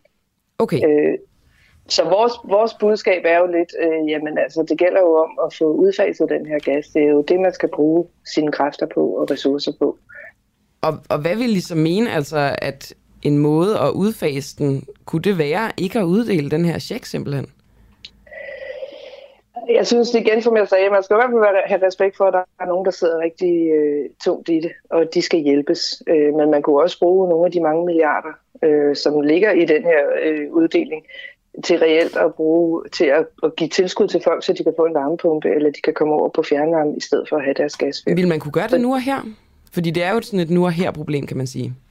Man vil i hvert fald kunne løse det for nogle af, af borgerne i Danmark øh, her og nu. Der er, øh, Energistyrelsen har nogle tilskudspuljer, hvor man kan søge tilskud til blandt andet at få en varmepumpe. De har lige meddelt i øh, forgårs, tror jeg det var, at nu var puljen tom. Øh, så kan man ikke søge tilskud mere før øh, om tre måneder. Okay, så, man så hvis kunne, man hvis, altså, så du vil mene, at, øh, at de her partier, som har lavet den her varmesjek-aftale, de simpelthen skulle allokere de penge? Øh... Ja, eller i hvert fald allokere nogle penge til, ja. at folk kunne øh, få en varmepumpe eller komme over på grøn fjernvarme i stedet for. Ville, det synes jeg ville være, være en, en mere langsigtet løsning. Ville alle dem, som, øh, som har brug for, som er berettiget til den her varmesjek, ville de kunne få en varmepumpe? Øh, de fleste vil enten kunne få en varmepumpe, eller kunne kobles på fjernvarme. Okay. Og, og det vil... De fleste huse i Danmark er, er egnet til at få en varmepumpe, og i de områder, hvor der er fjernvarme, vil de kunne få, få fjernvarme i stedet for. Og nu, øh, nu tillader jeg mig bare at blive sådan lidt konkret. Øh, ja. kan man, det kan man bare lige gøre. Ja, man skal jo have fat i en, øh, i en øh, VVS'er, der kan installere den her varmepumpe. Øh, men ellers ja. Ellers så øh, tager ikke det, lang tid at installere den, eller få den ej, leveret? altså fra, fra, fra nu til, til, til vinter burde det kunne lade sig gøre. Men det er klart, hvis der er mange, der efterspørger en varmepumpe, så kan det jo godt være, at du ikke, Jamen, det er også ikke det, kan nå at få den inden vinter. Det er også det, jeg tænker, fordi det kan godt være, at det virker lidt fjollet at blive så konkret, men man kan sige, det er jo sådan, enten så, øh, så kommer folk til at fryse, nu bliver det så godt nok sommer, men altså, som det er lige nu, er det jo stadig koldt, ikke? så enten mm. kommer de til at fryse, eller så kommer de så til at, ja, nu lyder det lidt voldsomt, men at sulte, ikke? altså mangle penge på en eller anden måde, så, mm. så det er vel også vigtigt, når, når du foreslår det her, at du på en eller anden måde kan garantere, at det også kan lade sig gøre med de her øh, varmepumper. Det er også derfor, jeg siger til en start, øh, at jeg synes faktisk, man skal gøre begge dele. Man skal hjælpe de mennesker, øh, som har svært ved at betale deres varmeregning. Øh, og så skal man understøtte sådan, øh, det, at vi kommer væk fra naturgas og over på grøn fjernvarme og el på varmepumper. Så det er jo en både og løsning, mm. øh, jeg foreslår. Og hvorfor, hvorfor har man ikke gjort det? Jeg tror, man har kigget på det akutte problem, øh, at, at, at øh, varmepriserne er steget så voldsomt, og det har man gerne vil gøre noget ved. Og det er jo også øh, meget sympatisk. Jeg synes bare, øh, som jeg startede med at sige, det er sådan en symptombehandling, at vi skulle hellere gøre noget ved det grundlæggende problem. Øh, at vi kommer af øh, med den fossile gas. Alright. Jamen tak for det, Camilla Tingvad, altså direktør øh, for energiproduktion og udvikling i Green Power Danmark. Selv tak. Hej, du lytter til Den Uafhængige på podcast. Husk, at du også kan lytte med, når vi sender live hver morgen kl. 7. Download vores app, Den Uafhængige, og tryk på play-knappen. Det er helt gratis. Klokken den er blevet 7.56, og Camilla, der, jo, der tigger nyheder ind, sådan i løbet af natten og, og morgenen. En af dem synes jeg egentlig er, er ret vild, for det er sådan lidt blevet bekræftet, at nogle af de fly, som krænkede svensk luftrum, de bare atomvåben. Nej, er det rigtigt? Ja. Jeg kan huske, at øh, jeg snakkede det, det, med... Det er lidt for tæt på. Jamen, det er det, men jeg, jeg kan huske, at jeg snakkede med Peter Viggo om præcis, det i radioen, præcis. hvor han sagde sådan, nej, nej, nej, nej, det skal altid, og hvis de ikke har øh, noget, altså det, det, det er ingenting i virkeligheden. Godt, Gud. Det kan være, at vi skal ringe sammen senere. Ja, det er lige, lige før. Det. Jamen, nu får du lige nyheden. Ja, tak. Så må vi se, om, vi, om den er god nok. To af de fire russiske fly, der den 2. marts krænkede svensk luftrum, var udstyret med atomvåben. Det skriver svenske TV4 Nyhederne. Flyene to Su-27 fly og to Su-24 fly blev registreret øst for Gotland. Man kunne tidligt se, at de russiske fly var på vej, da det svenske luftvåben var i øget beredskab på grund af konflikten i Ukraine. Forsvaret ønsker dog ikke at udtale sig om sagen. Flyvevåbenchef Karl Johan Edstrøm fortæller dog, at man regner med, at der taler om en bevidst handling. Vi har nu analyseret hændelsen, og det er klart, at jeg ikke kan udelukke forkert navigation, men alt tyder på, at det var en bevidst handling, siger han. Ifølge TV4 varede krænkelsen af svensk territorium i omkring et minut. Flyvevåbnet indsatte to JAS yes, 39 Gripen, som tog billeder af de russiske fly, og det var angiveligt her, det blev bekræftet, at de russiske fly var udstyret med atomvåben. Det, jeg synes, det er helt vildt, det der. Mm. Altså, helt vildt. Skal vi tage noget mere? Ja, ja, men du ved... Du vil tale mere om det her, kan jeg godt mærke. Jamen, det, det, jamen, jeg er bare lidt øh, på, på, på månen. Svær ikke engang et NATO. Altså, hvad... hvad øh... Okay, jamen, det, det, jeg synes bare, det er vildt. Jeg tror mest, du er på, på månen over, at Peter Viggo måske tog fejl. Det, kan du ikke, det har du svært ved. Det er faktisk rigtigt. Men det har han jo gjort før. Det har han jo også indrømmet i øh, forbindelse med at øh, invasionen øh, i Ukraine. Nå, okay. Slovakiet vil udvise 35 russiske diplomater. Det vil de på baggrund af information om spionage, der er modtaget fra udenlandske efterretningstjenester. Beslutningen er truffet efter at fire andre lande, EU-lande, Irland, Belgien, Tjekkiet og Holland, til sammen udviste 43 russiske diplomater for nylig. Holland og Belgien begrundede det med, at diplomaterne mistænkes for at være spioner. Aha. Slovakiet har i forvejen udvist tre diplomater fra Ruslands ambassade i Bratislava. Det blev begrundet med, at de havde spioneret. Den russiske diplomatiske mission har ikke vist nogen interesse for at agere korrekt i Slovakiet, siger Juraj Tomaga, der er talsmand for Udenrigsministeriet til nyhedsbruget AFP. Så de blev udvist, fordi de er angiveligt spioner. Så er spørgsmålet så selvfølgelig, om det er en, en undskyldning for at udvise de her russer, eller om de rent faktisk har spioneret. Det er bare det er, det er mange spioner. Måske, jeg ved det ikke. Ja, ja. Men jeg, jeg tænker straks, har, har vi også diplomatspioner i Danmark? Mm-hmm. Så fandt jeg lige en artikel, øh, der spurgte for Berlingske, skal Danmark udvise russiske diplomater? Mette Frederiksen afviser ikke tiltaget, fordi Ukraine netop har bedt sine allierede om at udvise russiske diplomater. Øh, men Mette Frederiksen siger så, at det kan godt komme på tale, hvis det sker i fællesskab med EU. Spændende, spændende. Meget spændende. Vi sætter her til morgen fokus på, hvorvidt det var et overgreb, da en øh, kvinde blev tvangsfjernet fra øh, et hjemrejsecenter ved Avnstrup.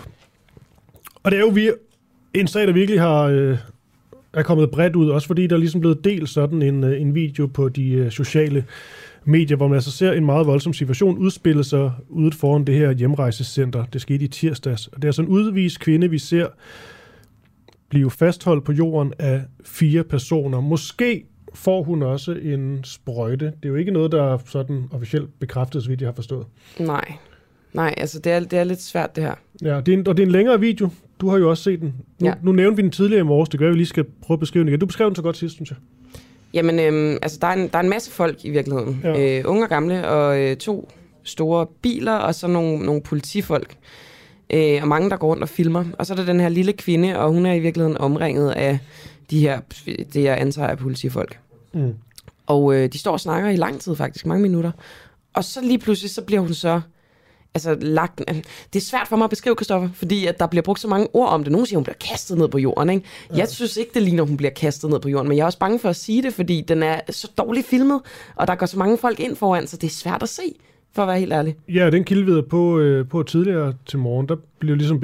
Hun så det som om, at de ligesom havde altså siddet ovenpå hende. Alle fire, ikke? Jo. Så, og sådan så jeg det ikke. Men igen, jeg vil ikke sige det skråsikkert. Altså, fordi det, det er svært at se på videoen. Nå, men en, der også har set den her video, det er, det er retsordfører for enhedslisten, Rosa Lund.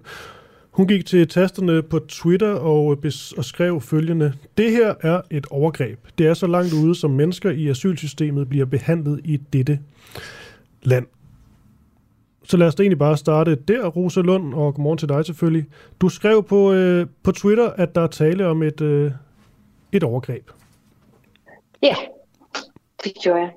Og øh, jeg, jeg Øh, skulle lige til at sige, det- er du enig med dig selv stadigvæk? Jeg er enig med mig selv, ja, det er jeg. Øh, altså, jeg har jo, jeg, ligesom jeg har set den her video, og det er jo fuldstændig rigtigt, hvad I siger, at det er, det er svært at se præcis, hvad der foregår. Men jeg synes, de øjenvidende beretninger, der er øh, fra den her episode, bekræfter, at det her er et overgreb. Altså, det er jo, der er jo tale om en kvinde, som er kastet ned på jorden, og som er, er øh, ja, hvor, hvor der ligesom er nogle Okay, men, myndighedspersoner, kan vi kalde det, der Ja, sætter sig men at, at se en, på hende, og ja, undskyld, jeg vil bare sige, Den- at, at se en video og- på, og- på sociale medier, det er jo ikke en øjenvidenberetning. Så hvad er det for en øjenvidenberetning, du, øh, du nævner her? Jamen, jeg har været i kontakt med nogle af dem, der er aktivister omkring Asylcenter Avstrup, og som, øh, hvad hedder det, har været til stede her. Er det er jo de, blandt øh, andet også hendes mand. Men hvis jeg lige måtte gøre min, øh, min argumentation færdig, Okay, kom med det. så, øh, så øh, består den største del af overgrebet, synes jeg, i, i det, man udsætter børnene for. Altså, der er jo børn her, der ser deres mor blive lagt ned af myndighedspersoner på den der måde, blive pacificeret, og som bliver skilt ad, både fra hinanden, men sådan set også fra deres forældre. Og det synes jeg faktisk er det allerstørste problem. Nu sagde du, øh, at nogle af de her øjenvidenberetninger, du har fået, det er fra nogle øh, aktivister, som var til stede. Men det lyder også til, at det sådan generelt var fra folk, der måske har nogle, nogle aktier i det her. Altså, føler du, dine Mhm. øjenvidenberetninger er troværdige? Ja, altså jeg føler, det er meget troværdigt, men jeg vil sige, at, at det er jo præcis også grunden til, at vi har sendt en masse spørgsmål, både til udlændingeministeren og til justitsministeren. Det er jo fordi, vi vil jo også gerne have øh, myndighedernes udlægning af det her, og vi vil gerne til bunds i sagen. Og det er jo præcis derfor, at der både er indkaldt samråd, og at vi har rejst øh, rigtig mange spørgsmål. Det er jo netop for at finde ud af, hvad er der op og ned her. Hmm. Er du bange for, at øh, du på en eller anden måde var lidt for hurtig på, øh, på tasterne, hvis det nu viser sig, at der var en noget bedre grund til, til at det, det så sådan her ud? Nej, det er jeg ikke, fordi jeg mener sådan set, at når man øh, på den måde skiller søskende fra hinanden og skiller små børn fra deres forældre, så er det et overgreb mod barnet. Okay, så er det, er det det, det handler om, eller er det selve det, du så, altså det, det fysiske i det? Jamen, som jeg, som jeg sagde til dig, eller til jer, undskyld, så handler det om begge dele. Okay. Rosa Lund, altså jeg er meget i tvivl om, hvad jeg ser på den her video. Øh, Ser du, øh, at kvinden får en indsprøjtning? Nej, det ser jeg ikke. Okay, så hvorfor er det, det bliver gentaget igen og igen, at hun får den indsprøjtning? Øh, det ved jeg ikke. Og hvis du ser, hvad jeg både har sagt og skrevet om sagen, så kan mm. Mm. du også sige, at jeg siger, hvis det er det, der er foregået. Øh, så det ved jeg ikke, om det er. Det er netop derfor, vi har rejst alle de her spørgsmål. Men det er bare, øh, altså, det er jo ret vigtigt i virkeligheden, hvad der sker helt konkret, ikke? Altså, øhm, så det her med, at Jo, der bliver præcis, det er jo spekuleret præcis så der. meget ind at noget, altså, så kan det godt være, at du siger hvis og sådan noget, men du ved, politiet og hjemrejsestyrelsen, de afviser over for Ritzau, at kvinden er blevet medicineret, ikke? Øhm, jo. Så, så altså, skal man ikke passe lidt på med at spekulere forud for, at der ligesom har været en redegørelse for, hvad der er sket? Jo, og det er jo præcis derfor, at vi har stillet spørgsmål til udlændingeministeren om, hvad der er foregået. Det er præcis derfor, at jeg skriver hvis. Så, så det må du jo snakke med dem, som spekulerer om. Jeg synes sådan set, at jeg passer mit job som politiker ved at prøve at komme til bunds i den her sag. Okay, så når du siger, at det er et overgreb, og at det er langt ude, som mennesker i asylsystemet bliver behandlet i det her land, så er det med en henvisning til, at man bliver skilt fra sine børn som mor, og, og de ting, mere end Ja, det, som, og- øh, som bliver altså, beskrevet som det sådan mere fysiske overgreb. Og at det også foregår på den her, bliver håndteret på den her ekstremt fysiske, hvad hedder det, brutale måde, som det gør i videoen. Det synes jeg sådan set ikke, der er nogen tvivl om, Men du at ved det gør. men du det ved- du spørger til, mm. det, nu er I simpelthen nødt til at lade være med at afbryde mig, ellers så bliver det her et mærkeligt interview.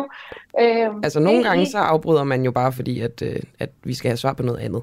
Men vi prøver at lade dig tale så Så må I jo spørge om noget andet. Altså, så må I jo spørge om noget andet. Jeg prøver at svare på det, I spørger om, men jeg bliver afbrudt. Det, det, det er altså lidt mærkeligt, interview, synes jeg. Men det må I jo, det er jer, der er journalister, men det må I selv. Men du sagde jo præcis det samme til Asger Juhl sidst interviewet dig, så det kan også være, at det er bare lidt øh, dig, der bliver meget irriteret og bliver opbrudt, men altså lad os nu bare tage den herfra. Tal. Jeg synes, I skal gentage spørgsmålet, fordi I synes tydeligvis ikke, at jeg svarer på det, I spørger om, siden jeg afbryder mig hele tiden. Jamen, prøv, det, jeg, det jeg gerne vil, vil, vil spørge om, det er det du ser, altså det du siger, som er brutalt i denne her video, det der er det, det fysiske, ikke? Hvad er det, du ser, der er brutalt? Jamen, det er, som jeg startede med at sige, at, øh, at det, det, børnene bliver skilt ad fra hinanden, og bliver skilt ad fra deres forældre, Mm. og øh, at den her kvinde jo, og det synes jeg er meget tydeligt, bliver lagt ned øh, af nogle myndighedspersoner, som jo pacificerer hende. Mm-hmm. Det er jo det, det, det, det går ud på, og det tror jeg sådan set også, at myndighederne vil sige. Vi har jo ikke fået noget på skrift endnu, men det går jeg Mm. stærkt ud fra, at vi får. Og, jeg, øh, og det synes jeg simpelthen er brutalt, og det synes jeg ikke er i orden. Rosalund, kan der være en, altså en reel god grund til, at hun bliver lagt ned og pacificeret? Altså, så skal hun have gjort et eller andet øh, inden Altså, ved Ja. jeg ikke, kastet et eller andet i hovedet på myndighedspersonerne, eller spyttet på dem, hvad ved jeg, Hvis et hun- eller andet. Ja, eller- det ved vi jo ikke, om der er sket. Eller altså, det ved troede med ikke. at begå skade på sig selv, et eller andet. Altså jeg siger bare, der er vel også en reel mulighed for, at der er gået noget forud, som gør, at de bliver nødt til at, at bruge, øh, bruge magt på den her måde. Jamen, det er der der, og det er præcis derfor, at vi har stillet spørgsmål til både justitsministeren og udlændingeministeren, for at, få, for at finde ud af præcis, hvad der foregår. Men er det så ikke for tidligt at konkludere, at der er, altså, det er for brutalt, det der sker i videoen fysisk? Altså nu snakker jeg ikke om øh, adskillelsen, og det, at det sker foran børnene, men, men at du konkluderer, at det er for brutalt, uden at man Nej, ved, det, hvad det er, der er foregået. Fordi det er jo, jeg siger ikke, at det ikke er foregået, men jeg siger bare, at altså, det er jo spekulationer i virkeligheden, når man ikke ved, man kan ikke, heller ikke høre lyden på videoen. Øhm, så kunne, skulle I ikke have nøjes med at stille spørgsmålene til, til myndighedspersoner, i stedet for at konkludere noget på forhånd? øh, nej, jeg er politiker, og jeg er valgt til at have holdninger, og det har jeg blandt andet på sociale medier. Men er det ikke bedst at have holdninger til noget, man, man ved, hvad er? Jo, og jeg forholder mig til det, som jeg ser på videoen, og det synes jeg er brutalt. Men jeg stiller bare spørgsmål, om der i reelt set godt kan have været en god grund til, at de blev nødt til at bruge den her form for magtanvendelse. Der sagde du altså ja, men du siger stadigvæk, at det var for brutalt. Det Ja, jeg ikke- synes, det var man- brutalt, og jeg har stillet spørgsmål til justitsministeren og udlændingeministeren for at finde ud af præcis, hvad der foregår. Okay, Jeg synes faktisk ikke, at jeg har gjort noget forkert. det siger jeg ikke. Jeg synes bare ikke helt, de harmonerer de svar. Det er derfor, jeg prøver at grave lidt, Rosa. Jeg synes, det harmonerer fint. Jeg ser en video, det er brutalt, det der foregår. Det siger jeg er brutalt, og jeg stiller spørgsmål til det. Det, det tænker jeg, der er helt almindelig politisk procedure for at komme til bund til en sag. Du sagde, det var for brutalt. Jeg tror, det er der, jeg synes, den blev lidt skæv. Ja, men det kan du jo så synes, men det synes jeg. Nej, fordi du kan, men det er jo det, du siger, den er for brutal. Men når du samtidig siger, at der kan være gået noget forud, som gør, at de bliver nødt til at... Nej, det, Okay. det siger jeg ikke. Der, ja, det har jeg jo spurgt ind til. Jeg har spurgt ind til forløbet. Jeg ved jo ikke, hvad der foregår, derfor spørger jeg. Men den er jo ikke for brutal. Det er jo ikke 100% sikkert, at det er for brutalt, det der er fundet sted jo. Men det synes jeg, det er. Mm. Jamen, du ved ikke, hvad der er gået forud. Og det er jo det så det, der er jeg gået udtaler mig om. det kan jo være, der er gået noget forud, der gør, at det ikke er for brutalt. Det er jo det, jeg prøver at komme frem til. Øh, det kan jo sagtens være, men det tror jeg ikke. Altså, jeg synes, det er for brutalt, når asylansøgere bliver behandlet på den måde, som vi ser i den Men her video. Det er min holdning. men hvis det er noget Enhedslistens for- holdning. Det er jeg Okay. vant til, vant til, valgt til Mhm. at repræsentere. Men hvis der er gået noget forud, der gør, at det ikke er for brutalt, så er det jo egentlig forkert, det du konkluderer allerede nu. Øh, jeg konkluderer jo ikke noget. Jeg ser en video, reagerer på den, stiller spørgsmål. Ja, så kan du sige, at den helt objektivt set er brutal for dig. Men du kan jo ikke sige, at den er for brutal, når du ikke ved, om den er for brutal i forhold til, hvad der er sket forud. Jeg synes, den er for brutal. Det mener jeg, og det øh, er jeg valgt. Altså, jeg er valgt til at sige, hvad enhedslisten mener. Og vi mener, at den er for brutal, og vi har stillet spørgsmål for at finde ud af præcis, hvad der foregår. Alright, så vil jeg ikke spørge mere ind til det. Jeg vil måske gerne lige spørge dig, øh, Rosa Lund, fordi... Det er jo et lang tid siden, at der skal Jul har interviewet mig, bare lige, øh, tror jeg. Men han er altid velkommen. Nej, det var da, det var da sidste uge, tror jeg. Det, det Jeg var ikke på den uafhængige sidste jo, eller det, forrige. Jo, Jo, det, jo, jo, det jo, det det så jeg sig selv. Og I kommenterede også på, at det var længe siden. Det er ked af det, Rosa. Nå, okay. Nå, det, det skal vi heller ikke snakke om, for jeg vil Ja, gerne lige... jeg ikke Jamen, du har sikkert også mange interviews, kunne jeg forestille mig. Men, øh, men Rosa Lund, altså Rasmus Stocklund, han går ud på, på Twitter i går og kommenterer på det. Han er øh, udlændinge og integrationsordfører i øh, Socialdemokratiet. Han skriver, urimeligt at se forskellige politikere fra den værdipolitiske venstrefløj kritisere myndighederne i hårde vendinger på de sociale medier, uden at vide, hvad der er op og ned. Udlændinge uden lovligt ophold og uden beskyttelsesbehov bør forlade Danmark. Gør de ikke det frivilligt, så tager politiet over. Alternativt kunne vi droppe udlændingeloven. Hvis udlændinge ikke behøver at efterleve myndigheders afgørelser, så er der jo ingen grund til at have lovgivning. Min tillid til myndigheder og politifolk er helt intakt, og det er urimeligt at se, hvordan de kritiseres voldsomt for at passe deres arbejde. Opbakning herfra, og vigtigt at udlændinge uden lovligt ophold fortsat udsendes, når det er muligt. Jeg går ud fra, at du ikke er helt enig med Stoklund. Og jeg er overhovedet ikke enig. Jeg tilhører i øvrigt ikke kun den værdipolitiske venstrefløj, men venstrefløjen punktum. Mm-hmm. Øhm, det andet er sådan noget newspeak, synes jeg. Så taler han måske slet jeg ikke til dig. Men, men er, du, øh, er du enig i det andet? Hvad hedder det? Nej, det er jeg ikke. Jeg, jeg, jeg er ikke enig med, med Rasmus Stoklund her. Jeg synes sådan set, det er helt på sin plads, at man øh, stiller sig kritisk over for myndighedernes håndtering af alting. Det synes jeg faktisk er sund fornuft. Og jeg synes, det er ret vildt, at Rasmus Stoklund, som jo heller ikke kan vide, hvad der er gået forud, mm. blindt har tillid. Altså det, der kan man jo sige det, det samme til ham, ikke? Nå, nå, men så er det jo også vildt, at du øh, antager noget på forhånd. Altså hvis du synes, han er vild, uden at vide det, så er du vel også vild, uden at vide det. Forstår du, hvad jeg mener? Jamen, jeg har jo netop stillet spørgsmål for at finde ud af, hvad der er op og ned i sagen. Ah, okay. Det kan jeg ikke lige se på Folketingets hjemmeside, at Rasmus har, men det kan være, at de ikke er kommet op endnu. Måske kommer de. Det kan han jo sagtens have. Det okay. kan han jo sagtens have. Vi, øh, vi slipper nu, Roslund, men jeg vil lige sige for en god ordens skyld, så alle er med. Den 21. marts, der interviewede Asger Juler, og det handlede om diskriminere, om... diskriminere politiet på baggrund af hudfarve.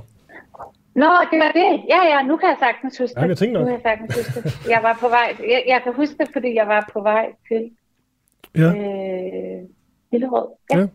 Der var god stemning i den nu. kan jeg huske. Nå, prøv at høre, Roslund. Det er, der, det er der altid med den uafhængige. Ja, det er det. I står jo for god stemning. Det er godt. Det, det er det, vi kan. Øh, Du er retsordfører for Enhedslisten. Øh, Tak fordi du var med her. Og udlændingeordfører. Og udlændingeordfører. Sådan. Oppositionen i Folketinget er afgørende for demokratiet. Det glemmer mange, men vi husker det på den uafhængige. Derfor giver vi en fremtrædende oppositionspolitiker en mikrofon og et studie hver uge. Lige nu er verden blå, men hvis magten skifter, bliver verden rød. Lyt til oppositionen på den uafhængige app, som kan downloades gratis.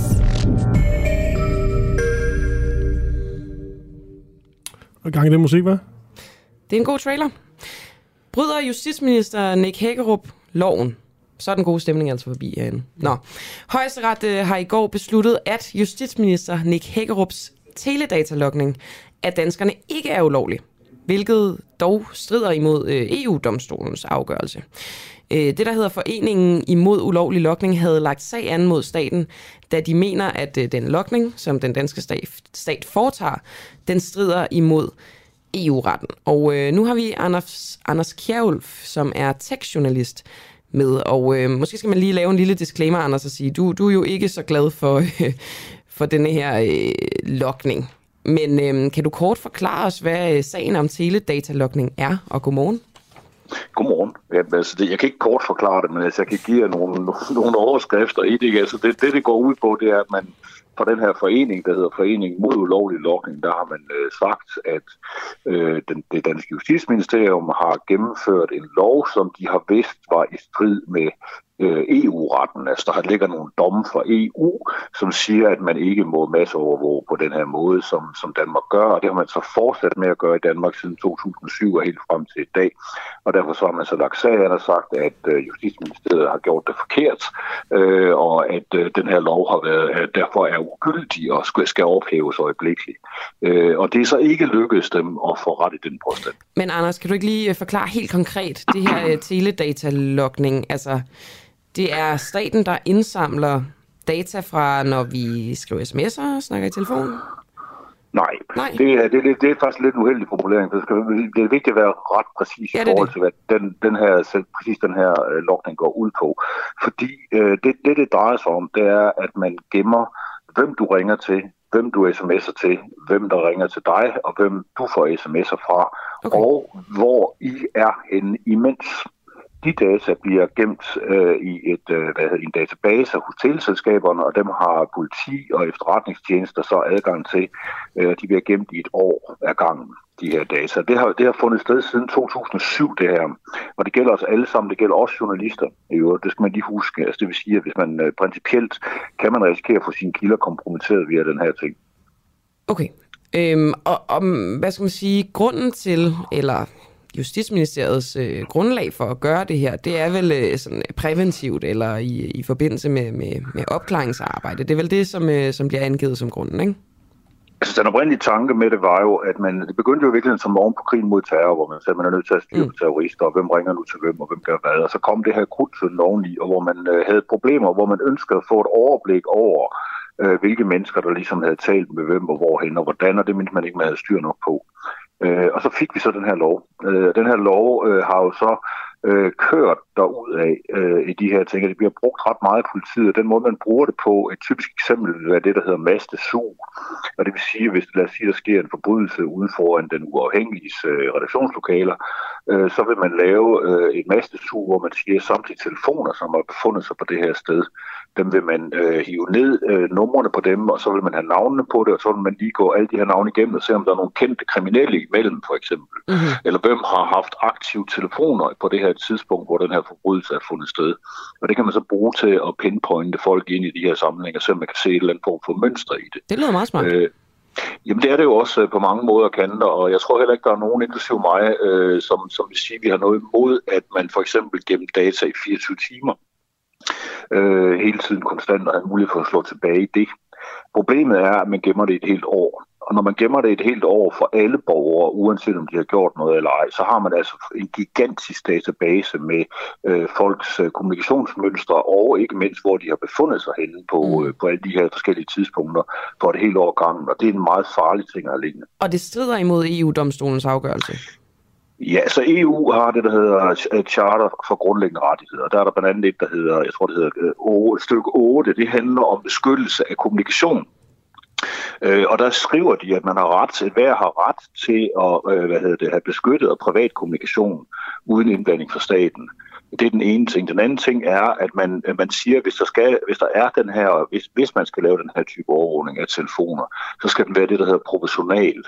Og det vil sige, at man, øh, hvad hedder det, for eksempel hvis der nu var sket et større forbrydelse, jamen, så ville det være rimeligt, at man så for eksempel overvågede et bestemt område, mm. hvis man havde øh, fundet ud af, at der skete der utrolig meget kriminalitet. Det ville også være rimeligt, at man, man øh, gik i gang med at tjekke op på nogle telefoner, som havde været, som, hvor man havde mistanke mod dem, der brugte dem og sådan noget. Det er proportionalt. Men det er ikke proportionalt, når man masse overvåger, og det er det, vi gør her. Det er, at man overvåger alle borgere hele tiden, non-stop, uanset om vi har gjort noget eller ej. Men højesteret mener så ikke, at den her øh, lokning er ulovlig. Hvorfor ikke det? Ja, ja, det er jo så lidt mere tricky som så, fordi det handler også meget om, hvordan det her det er formuleret det her søgsmål, og det har der været meget diskussion om, hvorvidt det har været en korrekt formulering eller ej.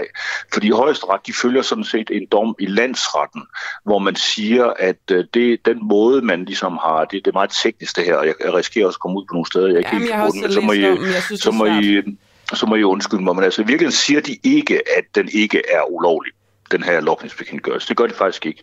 De siger bare i første omgang, at den her forening ikke måske har, øh, har, har hvad skal man sige, begrundet nok interesse i at kunne tage den op. Præcis. Det skulle for eksempel være teleselskaberne, der tog den op. Hvis teleselskaberne sagde, at vi krænker EU's charter ved at gemme de her data, så ville der måske være en sag. Ja, eller hvis nogen fra foreningen altså, kunne have sort på hvidt, at deres data var blevet misbrugt for eksempel, ikke?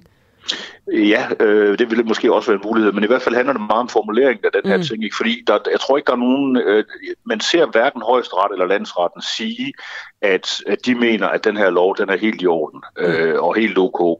Jeg tror, alle er enige om rent juridisk, at det her det er noget skidt, og det kan vi også se, fordi at Justitsministeriet har lavet en ny lov, som de jo praktisk nok havde sørget for, trådte i kraft i går, samtidig med den her højesteretsdom. Mm. Øh, den trådte i kraft præcis kl. 12 på nøjagtigt samme tidspunkt, hvor højesteretsdom den blev, øh, den, den blev indført. Det vil sige, skulle højesteret imod forventning, øh, sandsynligvis fra Justitsministeriet, have sagt, at øh, den her lov er ulovlig, og derfor skal den stands lige med det samme øjeblikkeligt, så havde de en ny lov, der allerede var vedtaget, og som ville træde kraft i stedet for den og det er den så også gjort under alle omstændigheder.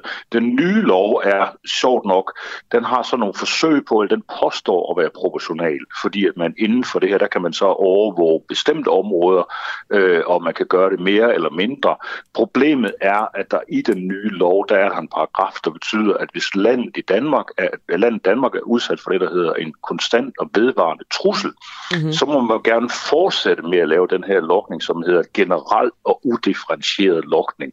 Det betyder oversat til almindelig dansk, at man overvåger alle borgere i Danmark hele tiden stadigvæk på nøjagtig samme måde, som man gjorde før.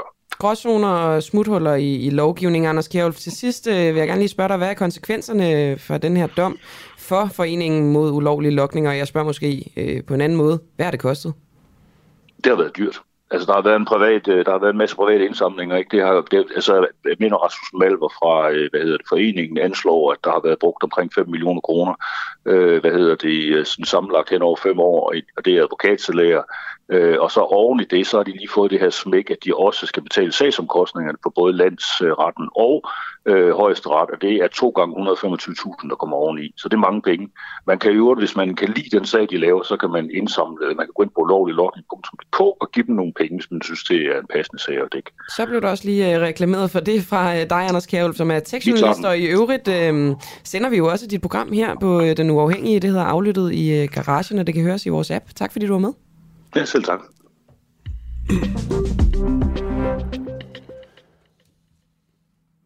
Hvad skal vi nu, Christoffer Lind? Klokken den er 22, nej, undskyld, 8.22, det vil sige 22 minutter over 8. Det vil du gerne have mig til at sige. Mm. Jamen, det er også en god service.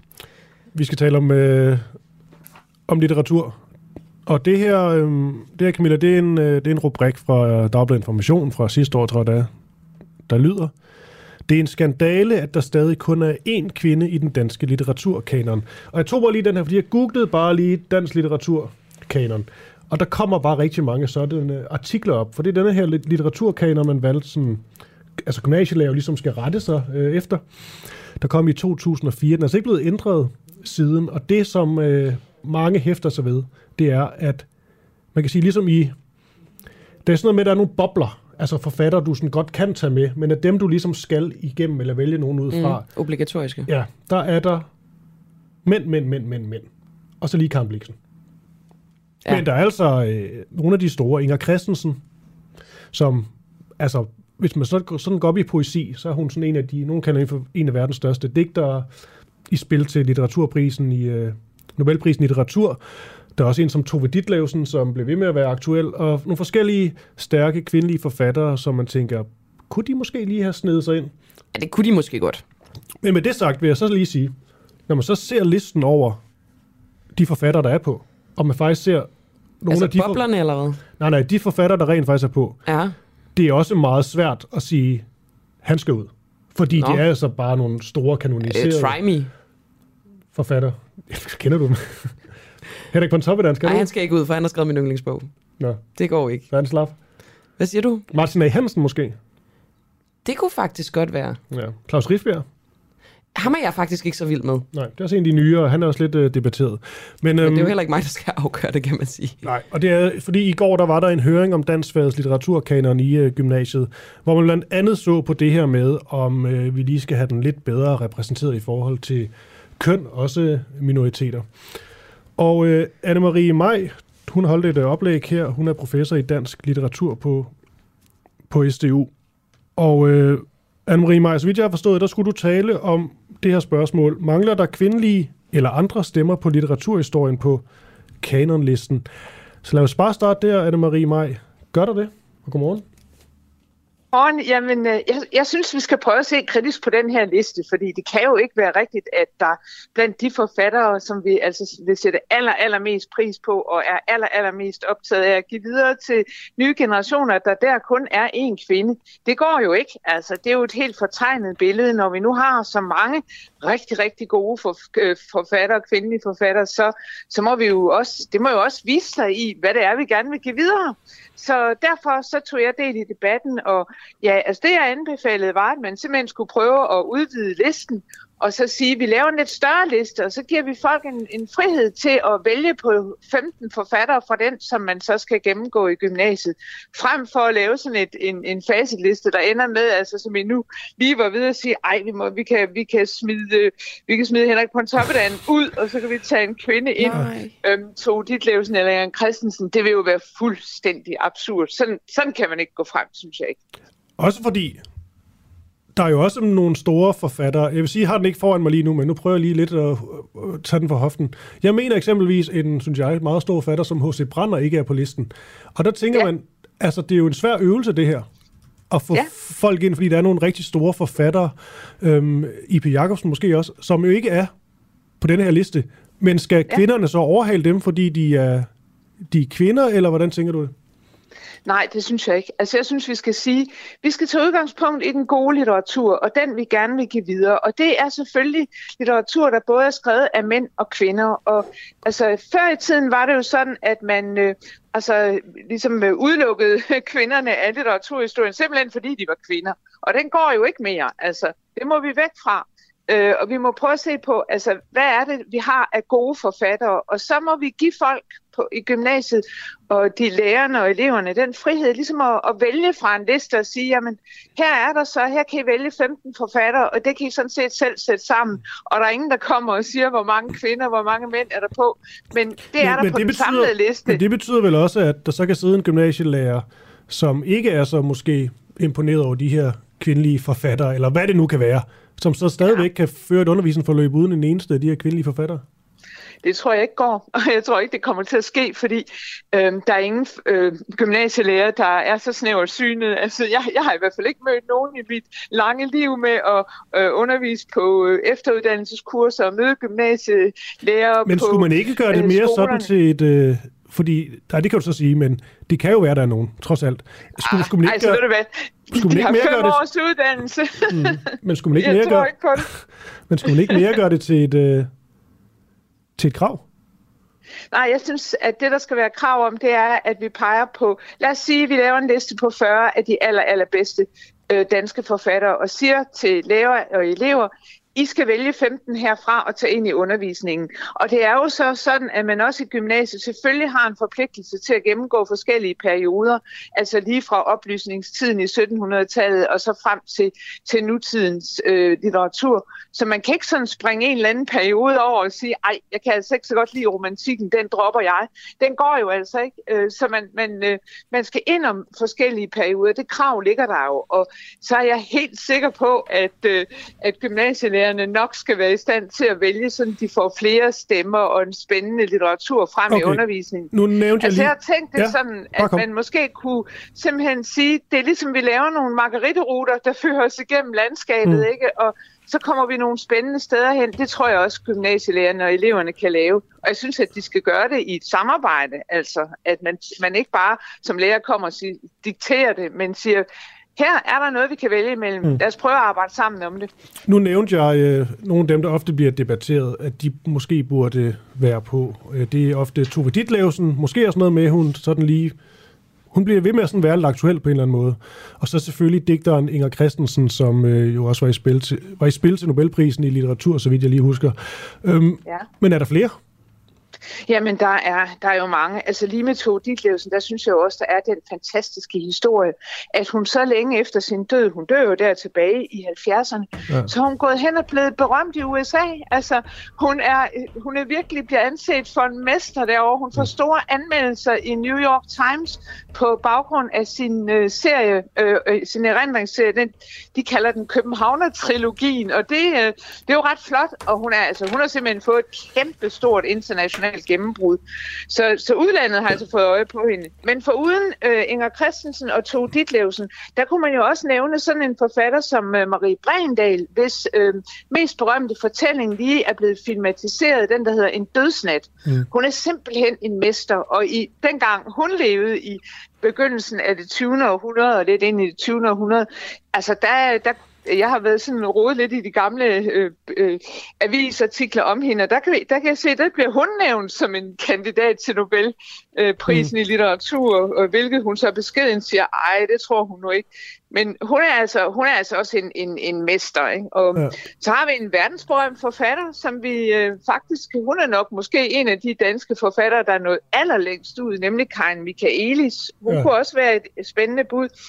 Hun har skrevet, hun er den første, der skriver om øh, kvinders overgangsalder og den farlige alder, som hun kalder det. Og det, altså, det er Okay, og der er, helt sikkert, der er helt sikkert mange, det kan jeg godt høre, der, der er mange gode, øh, ja, gode bud. Jeg vil dog sige, det der med, med Tove Ditlevsen, det er da en, en, en sjov historie, det med, med USA og sådan noget. Men det er vel trods ja. alt ikke det, der sådan skal gøre det, for man kan også sige, altså Jussi Adler Olsen er også kæmpestor i udlandet, men han vil jo aldrig have en chance. Øhm, nej, øhm, sikkert ikke lige. Altså, han er jo også, øh, han er, han er, han er jo nulevende i øvrigt, ikke? Og, ja. og måske, altså vi diskuterede i går, om man også kunne sige, om det kunne være afdøde forfatter først og fremmest. Og, og Jussi Adler Olsen, han lever da i bedste velgående. Men Rifbjerg, så... Rifbjerg er der på, han var det, han levede der, der, den du lavede. Øh, ja, han, han, øh, ja, han levede, da den, øh, han levede, da den blev lavet, men det var fordi, man øh, sagde med debut før 65. Men i går diskuterede man, at det mm. måske øh, skulle være afdøde forfatter. Det kunne der jo være en vis rimelighed i, altså, fordi øh, så er et forfatterskab ligesom afrundet, ikke? og så ja, der kan komme nogle efterladte skrifter, men, men der kommer jo ikke sådan helt nye, Jeg siger bare, min bøger. pointe er også bare, at der skal også være de der lidt måske større litterære kvaliteter. Fordi jeg, jeg kan sådan ikke ud fra, at man, bare lige for at tage det, uh, Jus Adler vil have en stor chance over for I.P. Jacobsen, når det kommer til det. Men du mener Nej, også, at Ditlevsen ikke netop har de litterære kvaliteter. Men Anne-Marie Maj, du er egentlig heller ikke så meget det. Ja. Jeg vil egentlig hellere til Nej. sidst høre. øhm, nu lød oplægget, mangler der kvindelige eller andre stemmer fra litteraturhistorien på kanonlisten? Lad os lige tage fat i det. Eller andre. Jo, men jeg synes, at øhm, altså der, vi, vi har jo brug for en, en mangfoldighed af, af stemmer. Ikke? Altså, det er i litteraturen, og der er kvaliteter fra en mangfoldighed af forskellige forfattere. Altså for eksempel sådan en forfatter øh, fra midten af 1800-tallet, som er Arne Goldschmidt, der er en af de første, der tager fat på øh, øh, den, øh, jødiske, det jødiske samfund i Danmark. Altså, han er jo en spændende forfatter, og jeg synes ikke, han skal vælges, fordi han havde en jødisk baggrund, men fordi han er så rigtig, rigtig god, som han er. Og jeg tror netop, at når man tager fat i at se på kvalitet, så kommer det med mangfoldigheden mm. helt af sig selv. Så behøver man ikke at sige, at der vil- skal være tre af den slags og Mm. fire af den. Det synes jeg er helt, helt forkert. Det kunne jeg aldrig tænke mig et Okay. forslag, der gik ud på det. Men Slet vil, ikke. men vil han have en fordel grundet det her? Nej, han har en fordel, fordi han er en øh, fantastisk god forfatter, der skildrer et stof på en, en måde, så det virkelig lever for, for læseren. Så, så jeg synes, altså, at han, ham burde man tænke på af, af den grund. Ikke? Men det er jo det, så snart, man tager, så snart man gør kvalitet til det vigtigste, så kommer alle de andre øh, problemer, så løser de sig, fordi så får vi mangfoldigheden af stemmer i litteraturen. Mm. Hvad med forfatter af anden etnisk øh, herkomst?